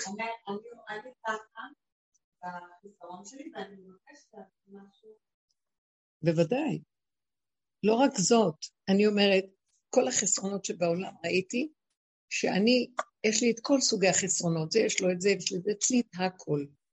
וראיתי שמה הוא רוצה ממני, שאני יודע שכל החסרונות קיימים פה, ושאני אחבק אותם ואוהב אותם, ואני אבקש ממנו שימלא לי את כל החסרונות. כי הוא ברא אותי חסרה, סוף סוף אני מודה. כי אדם הוא חסר, כי הוא נברא, והבורא הוא בורא. אז אם אני והבורא אותו דבר, אז מה, למה אני נברא? כדי שאני אודה שאני חסר, וברגע שאני מודה, ולא משחק את הבורא, אז הבורא ואני מתקללים, הוא אומר, זה רציתי לשמוע עכשיו, בוא אני אתן לך כל שאתה צריך. אז עכשיו אני מאציל עליך את המציאות שלי. זה שכינה יורדת על אדם, כי הוא מודה. השם רצה להציל ולתת את כל מתיקותו וכל מה שיש על הנברא, רק שיודע שהוא נברא ולא אלוקים. ואת זה האדם לא יכול להגיד, כי אכלנו מהעץ שאמר וייתם כאלוקים. וכל התסמונת פה היא כזו. כי העובדה שאנחנו נעלבים ונשברים ומתפרקים, ואין אדם שמתהלך פה וטוב לו. ייתנו לו מה שחסר לו מחר עוד פעם, הוא יבכה על משהו. אין אדם מת וחצי תאוותו ביד. והחיסרון תמיד קיים. אז בסופו של דבר שאדם לא יבקש, תמלא לי את החיסרון, שיראה שהוא תקוע עם חסרונות שלעולם לא מתממשים. כי נניח שימלאו לך את החיסרון הזה, מחר חיסרון אחר יקום, כי ככה השם, כי ככה עץ הדת, התוכנית של העץ הזה. אין אדם מת, אין לו, תמיד חסר לו. שימו לב מה קורה לנו. אנחנו לא חס... אה, מישהי מאוד מאוד רצתה להתחתן, התחתנה, אחר כך היא ממורמרת. ואחר כך זאת רצה שיהיה לה ילדים, ואז אחרי שיש לה ילדים כועס. וזה זה רצה ככה, שזה... זה לא, זה לא... כי זה רק נדמה שזה ישלים לי את זה וזה ישלים... לא, אנחנו חסרים, נקודה. ואם אני משלים מה שאני חסרה ואני מתחיל לצחוק ואני אומרת לעצמי, oh, אני כל כך חסרה שמה שלא תסדר לי, לא יעזור שום דבר, אני בור בלי תחתית וכל היום הבא הבא. ואני מתחילה לצחוק על עצמי, את זה הוא אוהב. הוא אומר, בואי, עשית לי קצת בידור. כולכם רציניים, הולכים פה כאילו אתם אה, מלכי העולם, וכל אחד יותר חשוב מהשני. תודו באמת, ותצחקו כמו ילדים קטנים, תקבלו את זה, כי אין לי טענה עליכם. אני רק רוצה לשמוע נקודת אמת, וזה, וזה להגיע לחירות הזה, שאם מישהו יעליב אותך לא יהיה אכפת לך, כי תצחקי, כי הוא אומר נכון, הוא צודק. אין חירות יותר גדולה מזאת. תגיעו לזה. שמה יש גילוי שכינה. אתם מבינים את התהליך שעם ישראל צריך לעבור כדי להגיע למקום של גילוי שכינה והיא דופקת בדלת. יש השנה גילוי גדול. רואים את זה, מרגישים את זה, שיש משהו שרוצה להתגלות, והוא מחכה לנו לעוד איזה נקודה. כן. שובו אליי, תשובו, תחזרו. מה? לא אין דבר כזה. השם בשביל זה ברא את העולם. לכבודי בראתי, יצרתי ועשיתי את עולמי. השם ברא את העולם וברא את האדם כדי שהאדם יודע שהוא נברא, ואז האלוקות והאדם מת, מתקללים, אחדות הבורא. אז אנחנו אומרים, אני לא יכול את זה. זה יפה שאת אומרת את זה, באמת שאנחנו מתבוננים. כמה גאווה יש לנו. והגאווה היא לא באה לידי ביטוי בשוויץ, היא גם, הייאוש זה גם גאווה. והבושה זה גם גאווה. למה מי אתה, מה אתה מתבייש? זה מה שאתה, זה ברור לך. אתה לא צריך לצאת עם זה החוצה, ויש מידה בתוכך, וכן כל מיני, אתה מכסה, אתה, אתה מדומיין, כל זה, זה החוצץ, זה החציצה. תודה בזה. אפילו בינך לבין עצמך, כי מה זה אפילו? זו התפילה הכי עמוקה. ביני לבין עצמי אני מודה, זה מספיק. שמה הוא שומע אותם. זה המטרה של הבריאה. או אז הבורא יכול להתגלות על האדם כי הוא עושה את עצמו כלי, הוא, הוא רוקן את הישות הזאת ואת הגאות הדמיונית שלו, ואז הוא מדור לגילוי שכינה, וזה בקטן, דברים קטנים ומתוקים, ומה נדרש מאדם? זה מה שהשם רוצה מאיתנו. אתם מבינים? ואחר כך הוא ייתן לנו את כל החוכמה הנדרשת וחוכמה אמיתית גם, שתבקע, והגאוני תורה יקבלו גאונות יותר גדולה. יש תחושה שנסתתמה גאונות. כאילו, לא מחדש לנו גאונים חדשים שהיו פעם. אבל אה, אני לא יודעת את השאלה. גם כשנעשה את זה, תמיד יש עוד מה לעשות. מה זאת אומרת? עושה מה? של הביטול, של להודות. אני אגיד לך מה הביטול הכי גדול שאני יכולה להגיע אליו. זה לצחוק על עצמי שאני כל כך רצינית והכל כל כך דבילי, ואיך שזה ככה הכל בסדר. אז כל פעם שאני מתחילה לרוץ למשהו, אה, הריצה שלנו היא להיות כן, אני אומרת לא, לא, לא, המציאות שלך היא לא. שמעתם? נניח אה, אמרתי לאיזה מישהי משהו, ואז אחר כך אמרתי לה, אוי ויי, זה, זה גובל אולי בגדר לשון הרע. אז היא אמרה לי, לא, את סיפרת איזה נקודה שמת את הדגש על עצמך, אבל גם דיברת על מישהו תוך כדי, אבל את היית נקודה, ואז אני אמרתי, בכל אופן אמרתי, אז אה, באיזשהו מקום היה לי איזה רגע שצר, ופתאום נזכרתי שאני רוצה להיות משהו. ואז אמרתי, לא, לא, אני לא יכולה אחרת. זה היה הדרך שלי להפיג ביני לביני את הנקודה. זהו. לא התכוונתי לשום דבר, אבל ביני לביני, וככה אני, ואני לא יכולה אחרת. אה, ופתאום נכנסתי פנימה, התחלתי לחבק, חיבקתי את הנקודה שלי, ואמרתי, זה המציאות שלי, אני לא יכולה אחרת, אבל אתה יודע משהו? אם תמשיך להשאיר אותי בעולם ככה, אני כל היום מדבר רק לשון הרע, כי אני לא יכולה להכיל, אני ילדה קטנה, ואני לא יכולה להכיל, אז תשמור עליי, תעלה אותי לכדור אחר, קשה לי פה. ככה, כמו ילדה קטנה מדברת איתו. כי הגעתי כמה עבודה נעשה, כמה וכמה וכמה, ועוד פעם הוא מתחלק לו הציבור. אי אפשר לקיים את התורה, אתם יודעים, זה בלתי אפשרי. זה כאילו אנחנו מקיימים. והכאילו הזה זה בא כאילו, מה בעצם כאן החטא ועונשו? שאכלנו מעץ הדת, ואנחנו רוצים להיות כמו אלוקים, אז אמרו לנו, יאללה, תרימו את הסד. רוצים להיות כמו אלוקים, לא? אתם חייבים, חייבים, חייבים, חייבים, חייבים. ואנחנו מנסים להיות, לרצות את החיוב הנכון, ואין גם, אין, אי אפשר לצאת מזה ראש, כל הזמן אנחנו במציאות של גלגולים חטאים. וחוזר חלילה, העובדה שיש יום הכיפורים פעם בשנה.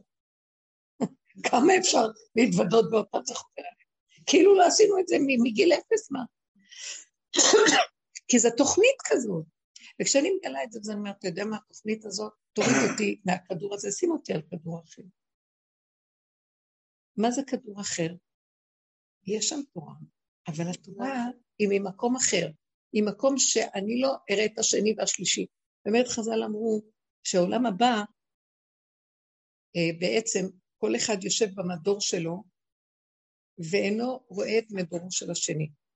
כי העולם הזה זה רשות הרבים, והעולם הבא זה רשות היחיד. רשות היחיד זה כמו שאת בבית שלך, ואת לא נכנסה ברחוב. עכשיו, איסורים הכי גדולים זה שכתוב שאדם נכווה מחופתו של חברו. שאם מרימים לו את המסך ומראים לו מה קורה ברחוב, או סגור את החלון, לא רוצה לראות. אתם מבינים? זאת אומרת שעולם הבא זה מדור היחידי של האדם. מה דעתכם שנחיה? וזה הולך להתגלות. יום שבת זה בחינת מעין עולם הבא, נכון? שאתה לא יוצא לרשות הרבים, ואתה לא רואה, אין עסקים, את כל הכאבים האלה והצער, אין לי כוח לזה, למה? זה ישר יפיל אותי. ישר זה, יש לי דעה ויש לי הרגשה ויש לי זה, ואני אלך, אני אגנב. לא רוצה. אין תקנה, מה שאני לא עושה זה עוד פעם נופל. אתם לא מבינים שאנחנו לקראת מקום חדש? תבינו, זה הולך להיות. ואם לא נבכה ונבקש, תצמצם אותי, אני יוצאת החוצה לרשות הרבים, אני חוטאה עכשיו. בשנייה, בלי לשים לב. אתם לא מבינים. מה אנחנו רצים לרחובות? בשנייה אנחנו חוטאים, עושים שטויות. ולא שמים לב אפילו, יש מיליון הלכות. אפשר לה... איך, איך? אנשים היום מאוד מתבודדים. יפה, יפה. יפה, יפה, זה בריחה, כי מתחילים לקלוט, האדם קולט שאין תקנה פה. אין תקנה. שמתם לב, בואו נעשה מצוות, בואו נעשה זה היום, כבר אנשים לא כל כך רוצים. אבל מי אמר שצריך? המצווה תחזר עד... איך כתוב? המצווה צריכה לחזר כתוב. מצווה בא לידך, תחמיצנה. מה אתה רוצה מצוות? מה אתה רץ? לא, כי בגלות אנחנו צדיקים גדולים, לא רק שאני, אני ארוץ, אני ארוץ להשיג את המצווה. אמרו לך, מצווה הבאה לידך, אז בסדר, מה? זה הגדלות שלנו מוליכה אותנו, והיא גם מפילה אותנו ומכה בנו ונותנת לנו כאבים בסוף האדם שבור. מה כוחי? כמה אני אצעק עליך, אתה לא עונה לי. יאללה, מה אתה צועק? שב בבית ואז תצעק והכל בסדר. אתם מבינים את הצדיק לזה? ככה אנחנו חיים. כצעקתה, צועקים כל הזמן, אני לא יכולה לשמוע אותם כבר, הם לא מבינים שזה חוק פה, הם יצאו, יחטפו, שבו. על דבר כי לא צעקה, הנערה יוצאת לרחוב, יתפסו אותה, מה יוצאת? מה עושה ככה? זה, זה חוק הנסיבות פה, אין מה לעשות. לא, הוא צריך, אני אצא ויהיה לי נס. מי אתה שעשו לך נס? אתם מבינים? האדם הולך עם דמיונו, והאדם שרואה את המצב נכוחה, הוא מפחד, יש לו יראה. את האלוקים אני אראה. מפחד, יש כאן דין, חוטפים. זה לא ייגמר פה, אין לי כוח לסבול. אני רוויה, כולנו רוויים מכאבי עולם. זה הילדים וזה הבעל וזה החיים וזה כל הסיפורים והחברה. לא יכולה יותר... אז אנשים אומרים, לא נסבול, בוא נפרק. לא. לבוא אחד אחר, עוד פעם זה יקרה. זה אתה צריך לחיות עם, עם הקיים ברמה של פרט. תחיה ותיתן לחיות, מה שנקרא. מה אתה מתערבב יותר מדי עם השני? בואו ניקח נקודה שנקראת רגש, ההתרגשות וההתפעלות, ההתרשמות והמשמעות שנותנים לדברים היא בעוכרינו מאוד. תתחילו להיות הכל כמו גולם שרואה את הנתון ונקודה שלום, זה מה שהוא רואה. לא אבל ואולי ופעם, ואיך אני מבין את זה ולא לא רוצה להבין, לא רוצה לדעת, לא רוצה. ראיתי כוס זה כוס, כוס אצלי טוב. אם היא לא אצלי, מה, מה הכוס הזאת שייכת אליי? תראי למה הוא לקח כוס כזאת ולא אחרת, הכוס תישבר, הוא שם אותה לקצה, עוד מעט תיפול. כמה יש לך להגיד על כל דבר? שמתם לב לזה? תפסיקו להגיד על כל דבר. הבנתם מה אני אומרת? תתחילו להתכנס פנימה ולהכיר שיש כאן שט שכל רגע רוצה לגמור עלינו את החיים. וזה השט של עץ הדת. ולחיות בצמצום ובנקיות ופנימה ולחבק, וככה רצה שאדם יחיה. הוא ברא את האדם לכבודו, בראתי אותו לכבודי, אתה שלי, לאן הלכת לי? ונתתי לך את כל המסביב, כי לא טוב להיות האדם לבדו, ושיהיה לו מבנה, אבל אתה עשית מהמבנה, תפסת את הקיר ועשית ממנו מציאות. הוא רק נותן לך גדר, גבול, מידה, סדר בעולם של האורגני, אתה צריך את זה, אחרת אין גבול, זה לא טוב. מצד שני, תן לי להיכנס בזה, זרקת אותי, תודה. אותי עזבו מקור מים חיים והלכו לדמיונות וסידרו את החלל מלא, רגש והתפעלות וחיבורים ועניינים וישויות, ואחר כך מלא כאבים. אולי נרוקן את הכול ונחיה בפשטות בזה. ילדים קטנים חיים כך, הם חיים לעצמם בטוב. וזה לא אומר שהם לא חיים עם הסובב, אבל הם לוקחים מה שצריך להם וגמרו שלום, אפילו יגידו שלום לחבר, הלכו.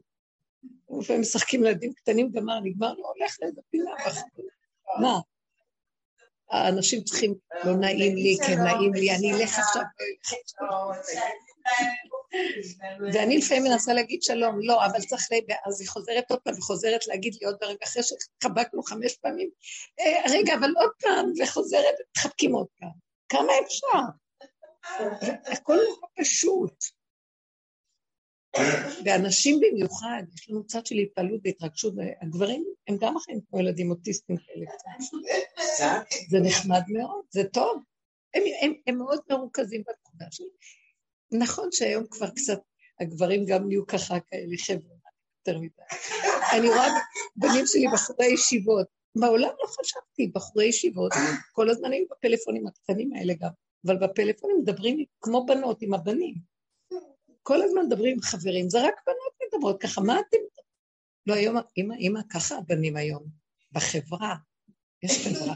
פעם הבנות רק הייתה להם חברה. מתרגשים, מתפעלים, שמים לב, מה יגידו עליי, מה לא, איך אני נראה, לא נראה. אמרו שבחברון יש אה, אה, אלף בחורים. לא נכון, אני יודעת שיש רק חמש מאות, הם אמרו לא, אבל כל אלה במראה כל היום. מסתכלים במראה היום. יש ישיבת חבר'ה, חבר'ה מאוד יפים, הם גם תלמידי חכם.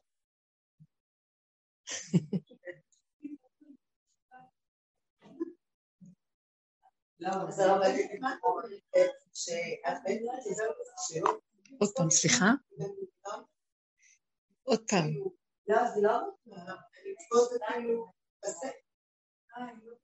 מה ייפסק? לא, חס וחלילה.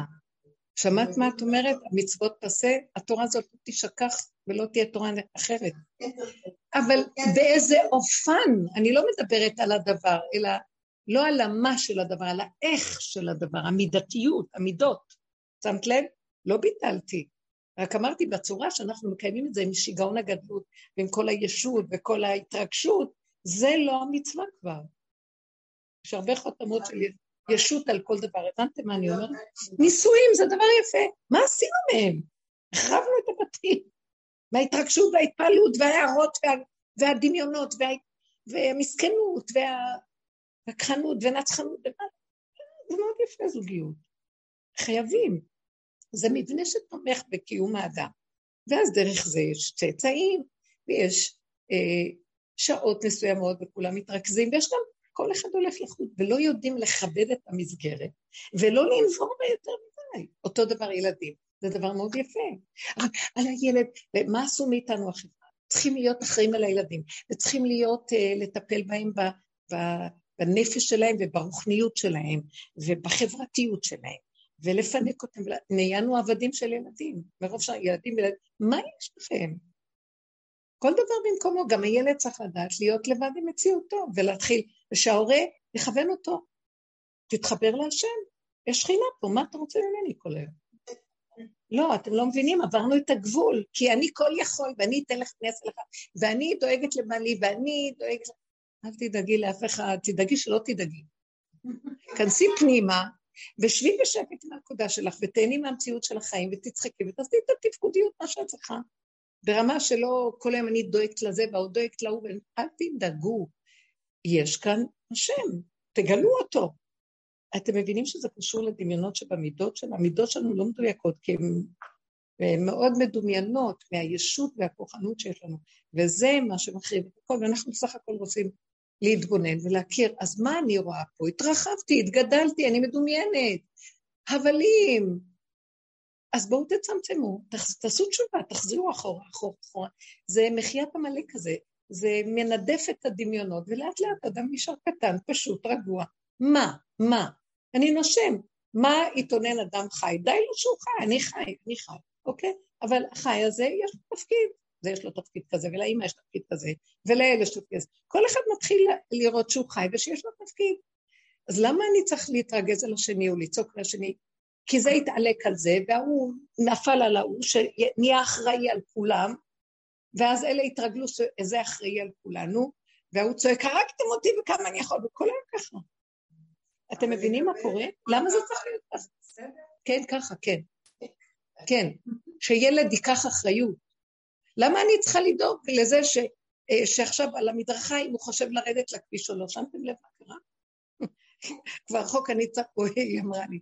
עכשיו קבעו שזה לפי הכוונה. אנחנו צריכים לדעת מה הוא מתכוון, ההולך רגל. זה כבר, אז אני אומרת, זה, זה חוקי סדום, הבנתם למה קישרתי את זה? זה כבר השתגע. מה זאת אומרת? שהוא ייקח אחריות על עצמו, רואה אותי נוהג, למה אני צריך לקחת אליו? כי אני הגדול ואני צריך לקחת אחריות על זה ועל זה ועל זה ועל זה ועל כולם, גם על הכוונות שלו. שמתם לב מה קורה פה או שלא? למה אימא צריכה ככה לחיות? מה, היא לא בן אדם?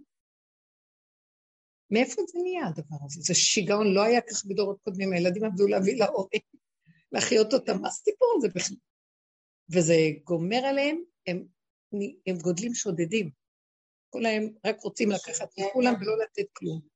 תקשיבו, אנחנו לא במקום טוב, נגמר. וכתוב, כאשר השכינה תקום לדין את ביתה, והיא מתחילה לקום והיא תגיד לכולם, השתגעתם, עברתם את הגבולות, אין כאן איזון, אין כאן צורה, ואתם עוד חושבים שאתם חברה נאורה. זה כמו הבג"ץ, נו, כל הפסיקה הדמיונית הזאת. ואיבדנו כבר את הסדר השפוי הפשוט.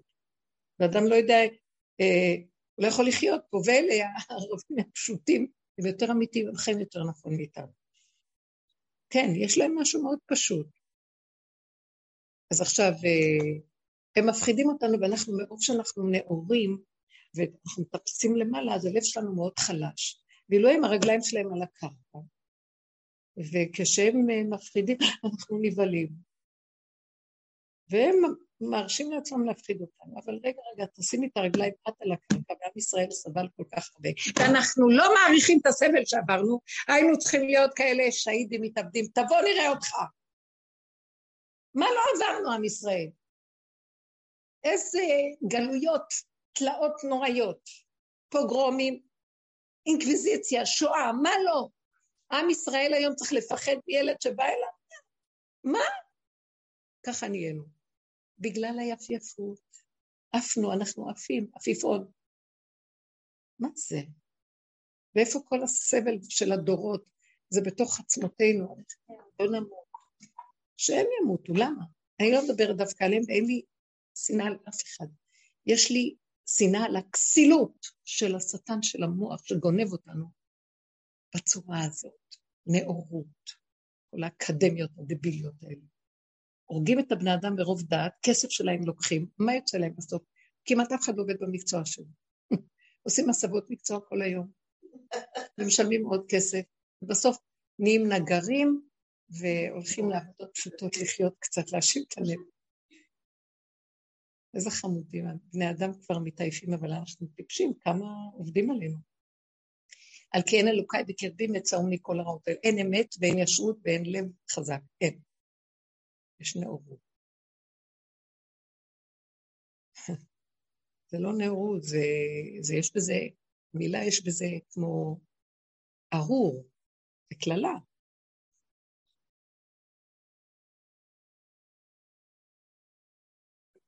זה, זה הדיבור הזה, זה פשוט להתעורר ולהתחיל להתבונן.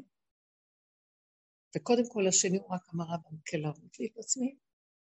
גם כשאני רואה את עצמי, ואני מנסה לעבוד ליישר, אין ליישר. כי מעוות לא יוכל לתקון, אומר קהלת. מה שלא נעשה פה, אנחנו תחת חוק תרדמת וחוק שהמוח גונב אותנו. אז אין לנו תקנה. אבל לפחות האדם הזה שמתעורר, אז מה תקנתו? כמו יום כיפור, מודה ועוזב, מה זה עוזב? אני אומר לו, אבאלה, אבאלה, אתה תשאיר אותי בעולם במתכונת הזאת, אני יוצאת החוצה, אני אשחוט שתיים מימין ושלוש משמאל, בלי לשים לב.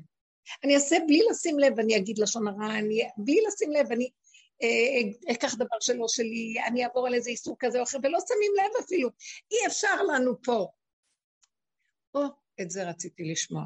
מי שיודה באמת הזאת, הוא יגיד לו, זהו. זה הליבה של עץ הדעת. שרציתם להיות כמו אלוקים, אז הוספתי והוספתי והוספתי והוספתי לכם. בלוחות הראשונים לא היו כל התוספות. אמרו חז"ל, שאם היינו מקבלים את הלוחות הראשונים, לא היו כל הספרים שלנו, אולי איזה ספר אחד היה, לחוקים. כי זה תורה שבעל פה, הייתה מבשרי איך זה אלוקה. הבן אדם היה יודע מעצמו, מהחיות האמיתית של עצמו, את כל התורה. היא בקרבו. התינוק שהוא בבטן אמו, מלמדים אותו את כל התורה כולה, הוא יודע. אבל פה זה משתכח, ואז הוא צריך לשנן דרך המוח. דרך המוח יאללה, לשנה, לשנה, לשנה, לשנה, מלשון שניים, כי אין לו אחדות עם הבורא. הוא מתאחד עם עצמו, מתאחד, נהיה אחדות, מעצמו הוא יודע הכל. והתורה תשמור עליו, התורה משמרת אותו.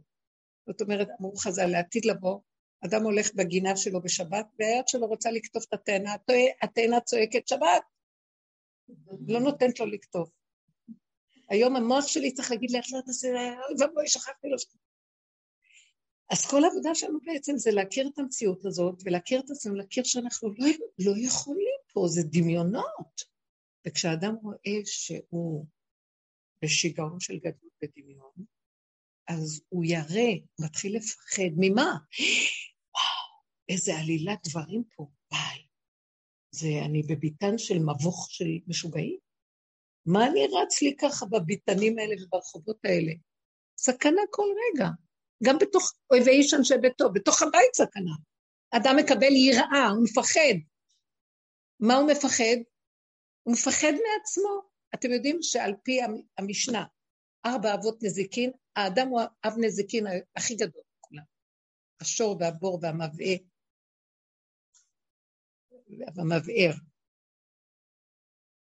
שהמבעה זה הבן אדם. הוא הכי, הוא אב נזיקין, הוא יכול בלי לשים לב לעשות את הטעות הכי גדולה ולעשות דברים קשים, כי יש לו דעת. בהמה אין לה דעת. אז הוא הכי מסוכן, כי בלי שהוא ידע הוא עושה דברים. זאת אומרת, יש לו דעת, והדעת שלו גונבת אותו בדמיון שלו ועושה שטויות. בעוד השור, אין לו דעת, אין לו, או, או אין להם דעת. מה אפשר לבוא אליהם בטענה? אז האדם שמכיר את מציאותו, הוא מפחד. איך אמר יוסף את האלוקים? אני הרי, היראה היא המדרגה הכי גבוהה, אני מפחד מעצמי, אני. מה ששוכן בתוכנו, יאללה בוא נתעורר, אנחנו בתרדמת של דמיונות. מה פתאום, מה, מה אתם חושבים שאנחנו? וכשאדם רואה את זה, הוא מפסיק להסתכסך ולהתקוטט. נכון מרגיז אותו השני, אז הוא אומר, מה, מה אתה מתרגז? מילה אחת שלך עכשיו שמבעירה כאן את האש, אתה מחריב עולמות, אתה רק לא יודע. כל הכועס, כל מיני גיהנום שולטים בו, הוא שורף את העולם, את עצמו וגם את העולם. ומה אדם אדם מתחיל לשים לב? מה את רצה אחרי הילדים? מה זה יעזור לך? את מרצה אותם, ואת זה מה? בשביל הרגע זה הפחד שלו, שהילד יעשה ככה וגם שהוא לא יאהב אותך. או כל מיני שטיקים של ריצוי, שהבעל לא יאהב ולא זה, אז... לא, זה לא אמת. כי בסוף את תהיי כל כך כאובה מעצמך, את גרמת לעצמך את הכאב. למה את מרצה? למה את מתקרבת? למה את רודפת אחרי השני? כי אני רוצה שיאהבו אותי. את חושבת שזה מה שיביא אהבה? זה ניצול, אחד מנצל את השני. קולטים, זה לא אהבת אמת, זה שתלויה בדבר, אהבה שתלויה בדבר. ובן אדם מתחיל לראות את עצמו, אז הוא אומר, טוב, נכון שאני רוצה אהבה, אבל לא ככה אני אקבל אותה. ואז הוא אומר לה, השם מתוודה את חטאותיו, אבל אני צריך אהבה, ואם אני אבקש מהשני, מה יעשה לי אדם? השם לי בעוזריי ואני אראה בשמאי. אז תיתן לי את האהבה, כי אין לי מי שייתן לי. אני מוכרת את הנפש שלי שייתנו לי אהבה, ואני אשאר בלי אהבה ועם נפש מכורה. אז מה, מה הרווחתי פה? אבל אם אדם לא מתעורר, אז הוא חושב ככה זה פה. וכאן כל הזמן זה חוק של גניבת דעת וגניבה ואינטרסים בלי שאדם ידע. הכל משוחד. ואדם שמתעורר ויודע את זה, הוא מתחיל, אה, מפחד, מפחד, הוא ירא. מתחיל להצטמצם, להתרכז, הוא כבר לא מדבר הרבה, הוא לא בא בחיכוך ובמגע, הוא לא יכול לפרק את משהו, אבל הוא עושה בקטנה, הוא נהיה קטן. הוא נהיה קטן. זה טוב להיות קטן. הגדלות מחריבה, היא שקר. מתחיל להיות קטן, צנוע, מוסתר. בינו לבינו. הוא מתחיל לדבר עם השם כל הזמן, שמור עליי אבל. תעזור לי, אל תעזור אותי. עכשיו אני מבינה מה עשיתי שאכלנו מחטא עץ הדת, ואדם הראשון הוא לא היה, אז זה אני פה. בשנייה אחת. אנחנו מתגדלים עליך, ואתה מאחורה ואני מקדימה רצה. והכתר על הראש שלי, כן? זה גניבה, אנחנו, זה חילול השם גדול מאוד. האדם יצטרך להתעורר, ואוי לאותה בושה וכלימה כשכבר יהיה זמן שאי אפשר יהיה להתעורר, וכולם ישבו, אלה ש... כתוב, זה מדרשים, אני לא אכנס לזה, באמת קשה. אנחנו, יהיה לנו צער. כי יגיע הזמן שלא נוכל לעשות, תתעוררו. אני אומרת לכם, כולנו, להתעורר. תתחילו להתבונן על עצמכם. כל דבר שמציק לכם, מצער אתכם, או תנועה רגשית כלשהי של משהו, גם סיפוקים וריגושים. תגידי לשמחה מה זה עושה, תבקשי מעצמך דין וחשבון, מה, מה את כל כך, מה את מתרגשת כל כך מלאת סיפוקים וריגושים? עוד רגע הגלגל מתהפך לצד אחר. אז הכל בקטן, בקטן, למה תהני, אבל בקטן. ותודי, וכל היום רק תודי להשם תודה, ותשמור עליי. וזה אדם שהוא חי עם השם, לאט לאט הוא מתעורר, והוא חי ככה איתו. בגדר הזה תשמרי תורה. איך? אני לא רצה לעשות חסד. אם החסד דופק, אני אחשוב אולי. למה? כי למה אני ארוץ לעשות חסד? או שמשעמם לי, או שאני רוצה כבוד, או שאני רוצה מדרגות בעולם הבא. למה לא? הכל בסדר מה שאני רוצה, אבל אני מוכרת את החיים שלי ואת האמת, איפה היא נמצאת? אני אגיד לכם את האמת, אנחנו נמצאים בגלות, זה נקרא גלות השכינה, השכינה מאחורה. היא בגלות, היא באדמה. ואנחנו הולכים למוח קדימה. ותגידי לא, אנחנו עם הקדוש ברוך הוא, קדימה הוא בשמיים, אנחנו עם דמיונות הקדוש ברוך הוא. מה נראה לכם, שהקדוש ברוך הוא יושב על אדם כמוני? אתם יודעים מה זה הקדוש ברוך הוא? צריך להיות כמו משה רבנו, כדי שיתגלה לנו. מה אתם חשבשים? אבל שכינה שוכן איתנו בתוך תומותינו, וזה האימא הקדושה, זה, זה שכינה, זה אור אלוקי שהשם שם פה, שהוא יכול לעטוף ולבוא איתנו בתוך החומר שלנו ולהתחבר אלינו בדקות, בתנאי, בתנאי שניתן לו אמת במידות ישרות. אז זה יותר קרוב אליי, לא? זה יותר אמיתי. אז אני לא רצה לעשות מצוות שם. אני יותר בשמור. השכינה היא כמו שמור, והקודש הבריחו זה זכור, אבל זה דמיון הזכור. מה, אתם יודעים מה זה זכור? שאדם ירוץ ויעשה דברים. אני, אתם, אנשים רצים ועושים דברים. כמעט אדם לא יכול לעשות פה חסד בלי שיהיה בזה גניבה. מאוד קשה. אה? אני מעדיפה משהו קטן, ושאני מעצמי לעצמי לא אדע, כי אם אני אדע, אני גונבת כבוד וסיפוקים. אז קטן, פשוט, אמיתי, ואני אומרת לו, אבל תעזור לי שהמצווה הזאת תהיה לשמה, לשמך, ולא... אז אי אפשר לעשות כלום בעולם. כמעט ולא. שבת, שבת, שבו איש תחתיו, זה יום הכי טוב, זה השם שולט בשבת. כמו שבת. כן, פחות מלאכות, פחות עשייה, פחות זה. וקדושת השבת מתגלה, ומה מבקשים מאיתנו? ושמתם לב מה יהיה השכר של השבת, שרק תשתו, תאכלו, תשתו, תהנו, מה אתה רץ? מה תשיג מזה? מה? אתם לא מבינים שאנחנו בדמיון מאוד גדול? אנחנו בדמיון גדול. אנחנו בדמיון, אוי ואבוי לנו מה שנראה. כשהאמת מתגלה, אז ייראה הכול. אמת אמיתית. אני לא אומרת שחכמים האלה הם דעת גדולה ותורה מדהימה, והם היו ענבים וצנועים באמת. אנחנו מדומיינים. אנחנו מדומיינים. הם ידעו להבדיל. בתפקיד שלהם היו צריכים את המוח כדי לברר ולהביא לנו הלכה. והם לא גנבו, גדלות. היום בדור הזה גונבים, זה לא מה שהיה פעם. כל קטן משהו, ישר רוצים פרסום וביוטיוב וכולם ואומרים וצועקים, וזה רב הזה והרב ההוא, והשם מכשיל, חד ושלום, יש סיפורים על רבנים, זה מאוד כואב לי. כי אדם לא חי את סכנתו. אתם קולטים מה אני מדברת? זה לא פשוט, כדאי להסתתר היום.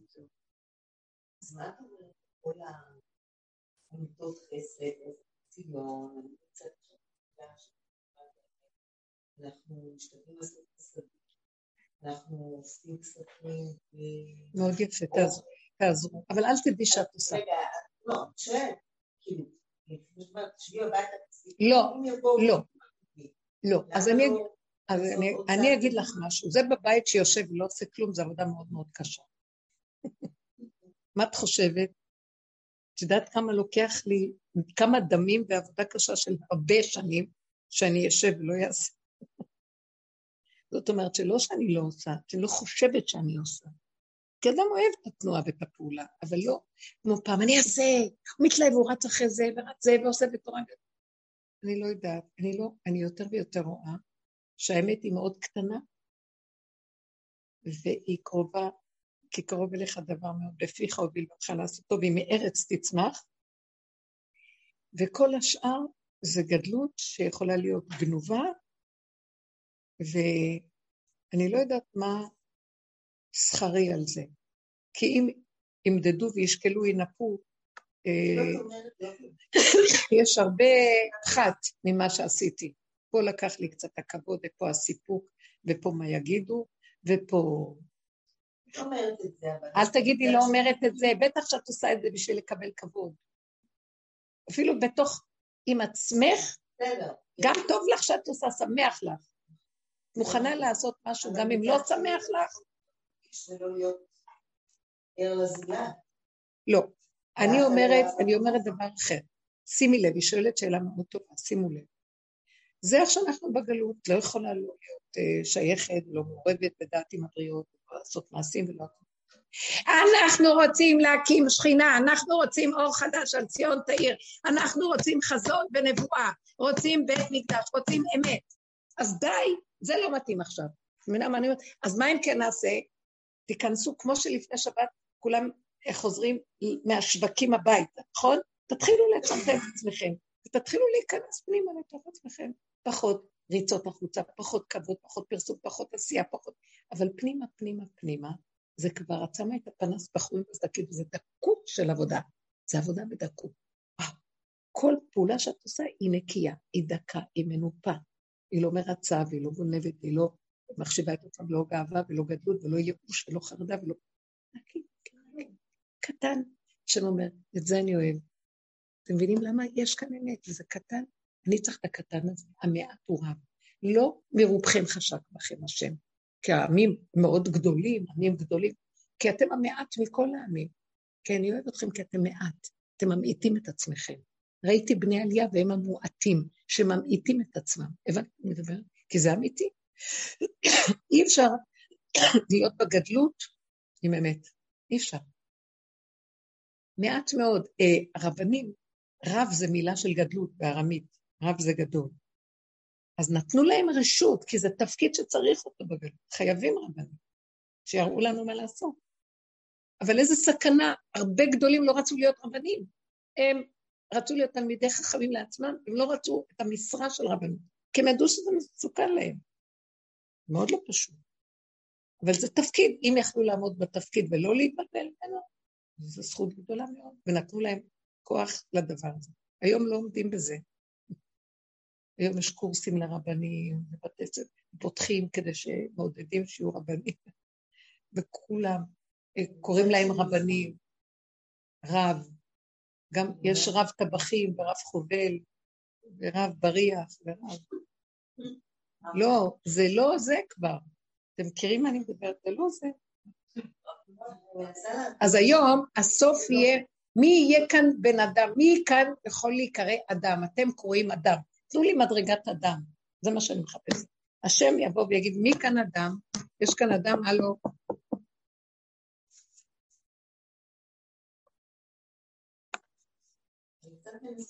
אולי תש... כתבתי את השיר הזה על אדם. מאדם להדם.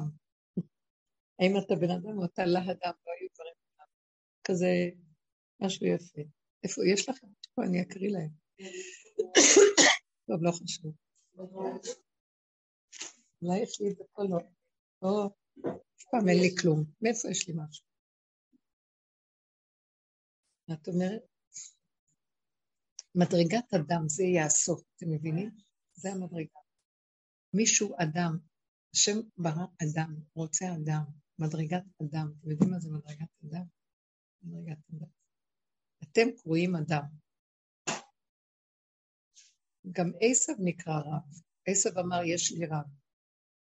אז זה לא, זה לא המקום. המדרגה היא אדם, מידות, שכל ישר עם מידות ישר. השכל הישר מחלחל למידות, אם לא מחלחל למידות, טוב שנתהפכה שלייתו על פניו. אני רק אקריא לכם את הפיוט הזה שכתב, היה לנו איזה כנס וכתבתי ככה. יש לך את זה? כן. זה נחמד אולי. קפץ. זה המשך קריאה, אז אוקיי. כאן מתחיל.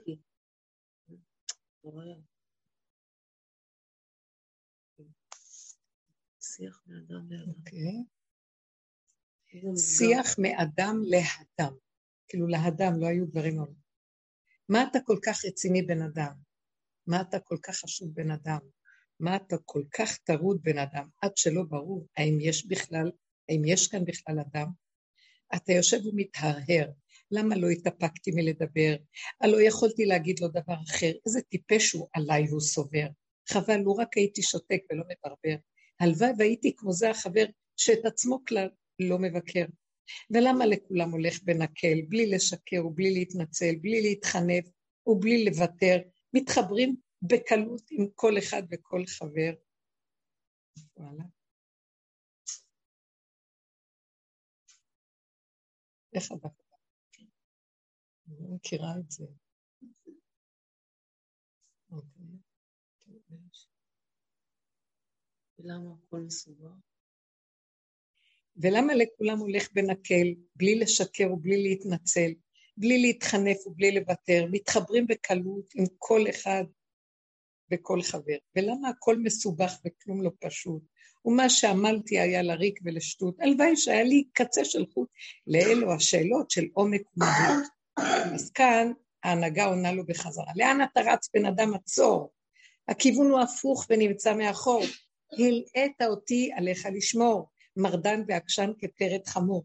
כאבך ממך, ובגללך המצור, שבוי בדמיון שזממו לשבור. משחק אותה, חי, מתקדם ונאור, וכולו חושך שמתחזה לאור. אליו אתה רץ, ונשאב לבור, אין שם מרפא ואין שום מזור. שמע נא אחי, אצעק אדבר, אחזור שוב ושוב ולא אוותר, אטלטל הנער עד שלבך יתעורר, ותכיר ששורשו של כל זה המשבר, תמיד עורבה פרח ולא יותר. יושבת לך ספרייה כבדה על הראש, מספרת לך סיפורים על עולם ואנוש, מלפפת, מסבכת ברצו ושוב, קורי עכבים, עכביש עסוקים עד בוש. להם נתת חשיבות והיגיון, הם לא אמיתיים והכל דמיון. ממך הם יונקים ממשות והון, שואבים אותך אל תוך האבדון, וחוגגים עליך בצחוק של זדון. ברח לאחוריך זה מקלט ודאי, אין שם למה וגם אין אולי, אין חבל וגם הלוואי. זה כולו שיח של מר ספק הרמאי. הוא סתם מתיש וכלום לא עוזר. אצלו כל מה שתעשה זה גלגל חוזר. ומה שתיקנת היום, אחרי שבר, תחיה את הרגע, וסיפור אל תסבר, אל תספר. חבק עצמך, תשלים, תקבל. תציל את נפשך, תגיד, איני, איני שומע. תעלים עין, גם אם יגידו זה ישתגע. תרבה לתכנן ולרוץ, אל תרבה לתכנן ולרוץ לבצע, רק יישאר בה ככה, ובלא יודע. אל תחשוש להיות לבד בלי אח ברגע, כי רק בשקט תכיר שיש בעולם כוח שמניע, שפועל בלי לעמול ובלי להזיע, ובלי המולה ובלי בלבול וזיע, ומה שצריך אליך, עד, עד אליך מגיע. חבק את עצמך ותחיה עם הנשימה, תבחין שיש חיות ששולחת סיבה, מלכות שפועלת מתוך גבול ומידה, פותחת דלתות בקלות בלי טרדה, ואתה שמור ורגוע ומלא ברכה, שלום על ישראל ועליך שכינה. זהו, זה מתאר את האדם פשוט, אתם מבינים איך אנחנו חיים? בואי, כמה דמיונות, כמה אנחנו מבולבלים וגם כמה השני יותר והוא זה, ואם רק הייתי עושה ככה, ואכפת שאני לא עושה ככה. כן. לא, אני כותבת לפעמים, היה לנו כנס וכתבתי כמה דברים. לא, לא באתי להשוויץ. כן, כן. וזה נסים. אני מרגישה שכשאני בנתינה, אז אני יותר בשמחה. כן. וכשאני יותר לעצמי, אז אפילו את אומרת לי, להיות נטייה שלי, ועוד לדעת את זה יותר עצב. נכון. כי את לא מחוברת לשכינה הפנימית. אני לא מדברת על זה שניכנס לעצבות ונהיה לבד ונהיה... לא זאת כוונתי. אלא בעבודה הנכונה, כשאנחנו מפרקים, למשל, אני רואה למה אני רץ לעשות חסד? כדי לקבל שמחה. למה אני לא יכול לקבל שמחה כשאני יושב ולא עושה כלום? אז זה, כי זה טבעי, כי כשאני עושה זה משמח אותי. נכון, ויש פעמים שאני לא יכול לעשות, אז למה נגזר עליי שאם אני עושה אני שמח ואם לא אני לא? אז אני רואה שיש כאן משהו לא בסדר, כי אני כל הזמן תלוי בדבר. אלא אני רוצה גם לשבת ולא לעשות כלום, ועצם הנשימה שלי זה השמחה שלי. למה אני לא ככה? בגלל שאנחנו לא מחוברים לחיות שיש בנשימה, מי מנשים אותי? אני לא חי שיש בתוכי דופק וחי, ואני כיף לי איתו, שכינה, שכינה, לא צריך לעשות כל הזמן לרוץ לרוץ כדי לקבל משהו. איך שאני ככה, שכינה איתי, חיות, שמחה. נכון שאני רוצה לעשות, והשכינה זה עולם המעשים, היא מפעילה אותי, אבל אני לא רץ בשביל לקבל משהו, כי אני חי כבר עם הדבר איכשהו, וטוב לי איכשהו. אז למה אני תלוי בדבר? כי אני לא מחובר נכון, ועל מנת שאני אהיה מחובר נכון, אני צריך לראות שאני תלוי, ולהפסיק את זה, להפסיק, אה, את רצה כי את תלויה באיזה משהו. ותבקשי להשם שאני אהיה שמחה בזה שאני נושמת. למה התינוק שמח במציאות חייו? קיבל את החלת של אמא ויותר לא אכפת לו. למה אני לא יכול להיות ככה? לקבל ממך את החיות ואת היניקה ממך ולהיות שמח בעולמי. ואם אתה מזיז אותי עם הסיבות, לעשות פה מצוות, מביא עד אליי איזה משהו, אני אעשה קטן, זה אתה נמצא שם. וטוב לי, לא בגלל שאני רץ מזה לקבל משהו, בגלל שאתה חי וקיים בתוכי וטוב לי. אם יהיה, אם לא יהיה. אני השם לא שניתי, אם לפני, אם אחרי, הבנתם את ההבדל? אנחנו לא יודעים את זה, כי אנחנו בגלות ששכחנו מה זה להיות באמת, עם הנקודה. וזה המצב שלנו. מצב גרוע מאוד. וחושבים, אבל זה ככה החיים הטובים. לא. כי אם יצא ולא יצא לי לעשות, למה אני אהיה עצוב? הבנת אותי? אדם לא צריך להיות תלוי בכלום. רק בשכינה ובהשם יתברך. וחוץ מזה, היא מפעילה אותנו, כי זה עולם המעשה, כן. אבל לא עם הישות של האני שהיא תלויה בדבר. בטל דבר, בטל, בטל השמחה. לא טוב. ברור שזה יותר טוב, את צודקת, יותר טוב מאשר להיות סתם איזה אחד שודד דרכים, ברור. אבל אני אומרת שיש מדרגה אחרת שכבר מגיע לעם ישראל להגיע אליה, הבנת אותי למה אני מתכוונת? עשינו את כל בכל הדורות, והגיע לנו משהו חדש, אור חדש, על ציון תאיר, במהרה נקבל את אורו וכולנו ביחד. אמן כן יהי רצון, נכין את הכלים. אבל בעצם הרבנית אומרת לך, תמשיכי לעשות אותי לא. לא, אל תמשיכי ככה. אל תמשיכי ככה. את יכולה, כשאת לא יכולה להפסיק, אבל תתחילי להתבונן ולראות איך את אחוזה ותלויה. ואיך את מבוהלת, אם לא יהיה לך את מה שאת רוצה. או אם נכון, תעשי איזה חסד ואף אחד לא יגיד לך מילה טובה וגם תקבלי נזיפות. את מוכנה להמשיך? זה חסד? מה אכפת לך? זה מאוד קשה. אז תתחילי להתבונן בעצמך, ואדם שמתחיל להתבונן, שולחים לו כל מיני ניסיונות מהסוג הזה. ואז אומרים לו, מה נשברת? לא, כי הם לא מעריכים את מה שאני עושה, אבל קודם, אתמול רצת בשיא השמחה ואמרת, השם, השם, איפה נעלם השם של אתמול עכשיו? למה? הוא לא היה אתמול באמת, הוא היה דמיון של השם. כי מתי, איפה אני יכולה להגיד שהשם נמצא? גם באותו דבר אם זה יהיה הפוך. הבנתם? אם לא יהיה התוצאה שאני רוצה, ואני ממשיך.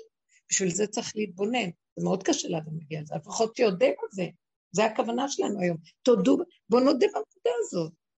ואז האדם מתחיל להגיד, טוב, אז במילא, אה, מה, אין לי אינטרס מזה, אז למה לי לרוץ? וזה מתחיל להיות, הרי אברהם אבינו עשה משא ומתן עם השם בסדום. כתוב נסעת ונתת באמונה, זה החידוש הנפש שלנו. נסעת ונתת באמונה? איך אפשר? שואלים את האדם אחרי 120. קבעת איתי לתורה, נסעת ונתת באמונה, עסקת בקריאה ורבייה, ציפית לישועה. איך אפשר להגיד לו נסעת ונתת באמונה פה? העולם מלא שקרים, הוא רק בא לשאת ולתת באמונה יגנב. מה הכוונה? הוא חושב שבעולם הבא הוא צריך להגיד, כן בטח, עשיתי את זה, הוא צריך לשמוע.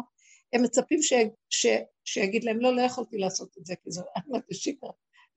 ציפית לישועה? הוא יכול להגיד, לא, אם אני אצפה לישועה היא לא תבוא, כי היא באה בהיסח הדעת, אז לא ציפיתי. אה, יופי, הבנת מה התכוונו.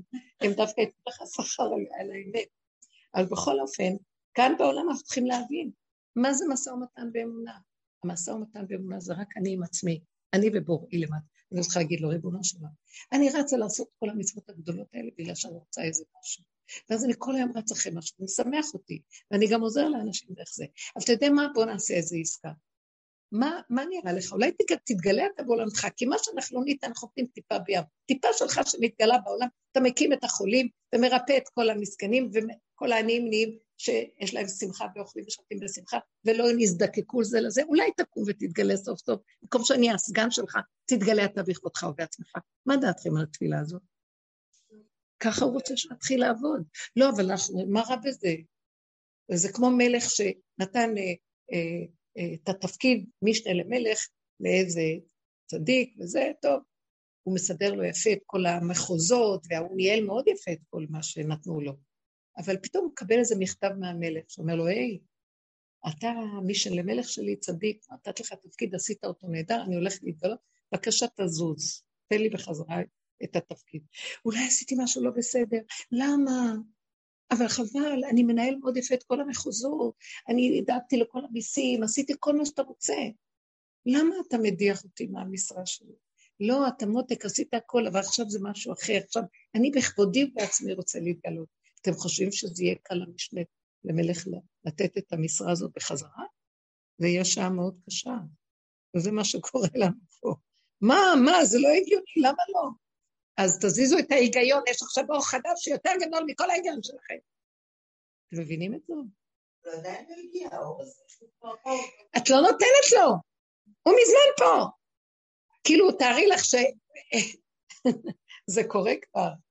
הוא מגיע, ואדם שלא עוד מהסס ולא רוצה לתת, אז יש סבלנות לאותו אור להמתין, הוא אוהב אותנו, טוב, אבל הוא ממתין.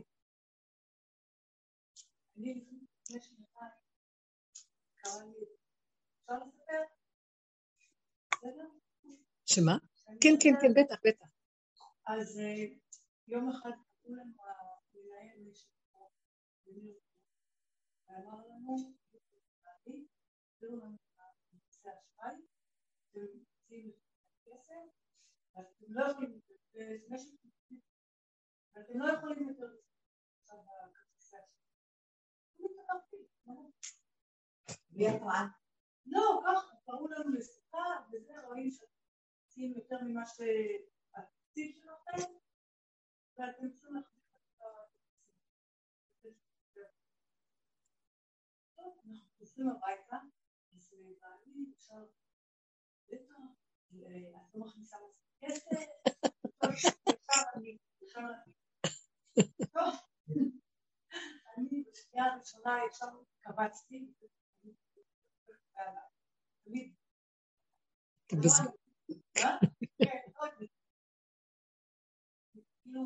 עברתי מאוד בקיבוץ הזה,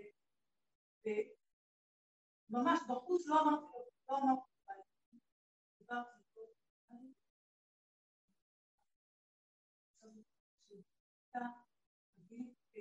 לא יודעת, תביא שיהיה כן. זה לא מעניין אותי. אני צריכה לבזבז. ממש.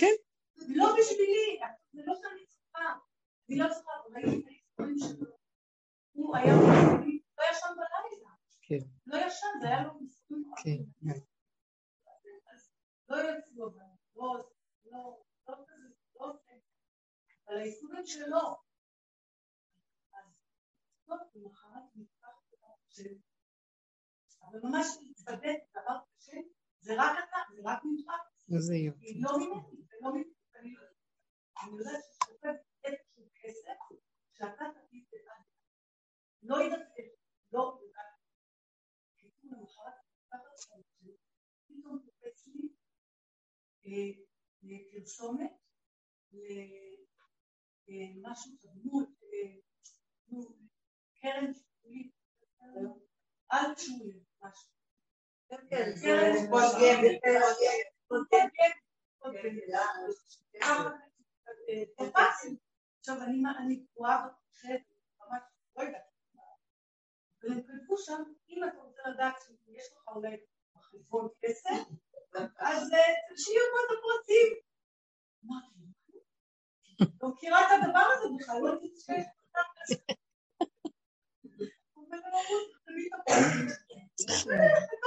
אני עוד יודעת.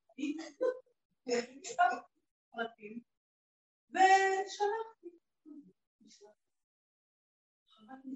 לא, באותו יום. מתקשרת אליי בן שלו, זה, אבל שיש פה סיפור עסק. תקשיבי, זה היה באלפים. וכנראה אבא שלי, אמר לי, "בבא, לפני 30 שנה, לא יודעת כמה היה, שם כסף, זה היה כמה עשרות אלפים. וואו. שאני מה זה שמחתי בזה. ועכשיו אני מפגרת, רצה לבעלי, ואני מראה לו, אני אומרת לו, תראה איזה יופי, יש פה זה, יש זה. עכשיו הוא מוריד אותו. אה, אי אפשר להוציא את זה, מה זה, מה את צריכה להוציא, זה אי אפשר להוציא, אמרתי, לא את זה. לא אמרתי דבר. אני חשבתי לה, דיברתי לה, אבל בטח אפשר להוציא, אין בעיה. ושאלו, הבנתי את הכסף. ולא אמרתי, החבאת את זה מתחת למזרון?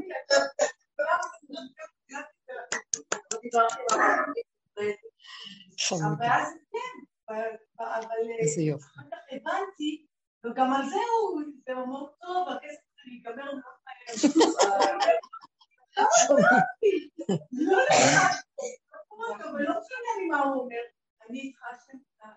איזה מותק, זה יפה, מאוד יפה. חי וקיים. חי. לא,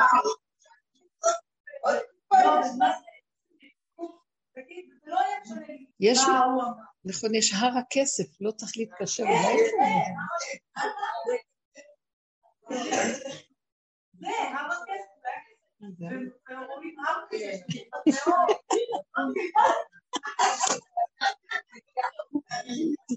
איזה יופי. משהו, משהו, מדהים. חי וקיים, אנחנו נראה ישועות, אנחנו נראה גילוי שכינה עין בעין יראו בשוב השם ציון, הרבה. הכל בקלות, בנחת שמחה, בטוב לבב, עד עלינו, מרוב כל בכבוד. צער. לא, זה עובד, זה עובד, תעבדו, תלכו בדרך. תכירו רק, אבל איך נתחיל לעבוד? תראו, יש מצוקות קטנות, המצוקה היא כל דודי דופק, שמפריעים לנו מהרצף של ה... אה, הולך לנו, כאילו, לא רוצים שילך לנו. אז אנחנו בדרך כלל כאובים. לא, זה השם עוצר, הוא רוצה שנתבונן, שנגיד, שנגיד לו, "לא, אני לא יכולה להכיל את הכאב, מה, מה, ולהתחיל להתבונן, לראות מאיפה כל זה, ושאני רואה, אני מודה באמת, אני אומר לו, אבל אני לא יכולה. את לא התנפלת בחזרה, לא כלום, שתקת, קיבלת, נכון, אבל את האמת אמרת להשם, נכון שבזבזתי, אבל לא יכולה לא לבזבז, תביא לי עוד, תביא לי עוד. הוא ישמע אותנו, הוא אין שם היגיון, בטח שתקבלי, את צריכה, תקבלי, כי הוא רוצה את האמת הפשוטה של ילדה קטנה מתוקה, שלא רבה עם השני שלישי ומרירות וכל זה. רק אומרת לו, הוא צודק, אבל אני צריכה. אם הוא לא מספק לי, תספק לי אתה לא הקיבוץ, ולא הוא, אז אתה תספר לי. זהו. גם אמרנו, מה קושר את ההכנסות והוצאות, מה זה קשור? כי, אבל אני אגיד לכם למה. אני אגיד לכם למה. כי האדם שהולך עם האמת שלו באמת, הוא לא מוציא יותר. הוא מדויק, והוא באמת, כי היא יכלה גם הרבה דברים יותר גדולים. למה היא לקחה רק את זה ולא את זה כאפשרות הרבה יותר? כי היא לא הייתה כזאת חמדנית, היא רצתה את זה ואת זה ואת זה, ואת זה שייתן. נתון ייתן ופתוח יפתח, והנק יעניק, למה לא? ברא את העולם להיטיב ולתת. אבל אנחנו לא עובדים נכון. תלכו עם האמת, והאמת היא מתגלה אחרי שאדם רואה קודם כל את השקרים שלו, וזה השלב הכי קשה, שהוא לא מוכן להודות את השקרים. מה, אני בזבזנית? אל תעני לבעל. נכון, אתה צודק, אני בזבזנית. אבל לא יכולה שלא. אתם לא מבינים שהשם כל כך אוהב את הילדות הקטנות שלו, וייתן להם, הוא ברא את עולמו להיטיב ולתת כל השפע שלו והאוצרות שלו בידיים של האדם, בוא תיקח. אנחנו אפילו לא נרצה את זה, אבל את הקצת שאנחנו רוצים לשמח לנו, אל תחנוק אותנו, אנחנו לא רוצים. מה יש לנו פה? מה יש? למה לא? הוא ייתן. אתם מבינות? אבל צריך לפתוח את המחיצה שלא נותנת לו לתת, כי זה אני גורם ולא הוא ייתן. המניעה היא לא מצד הנותן, היא מצד המקבל שאין לו כלי.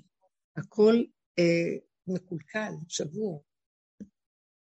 זהו. תודה רבה לכם. תודה רבה. תודה יקרות. תודה שבאתם. לא, אם אני לא אבוא, לא יהיה לי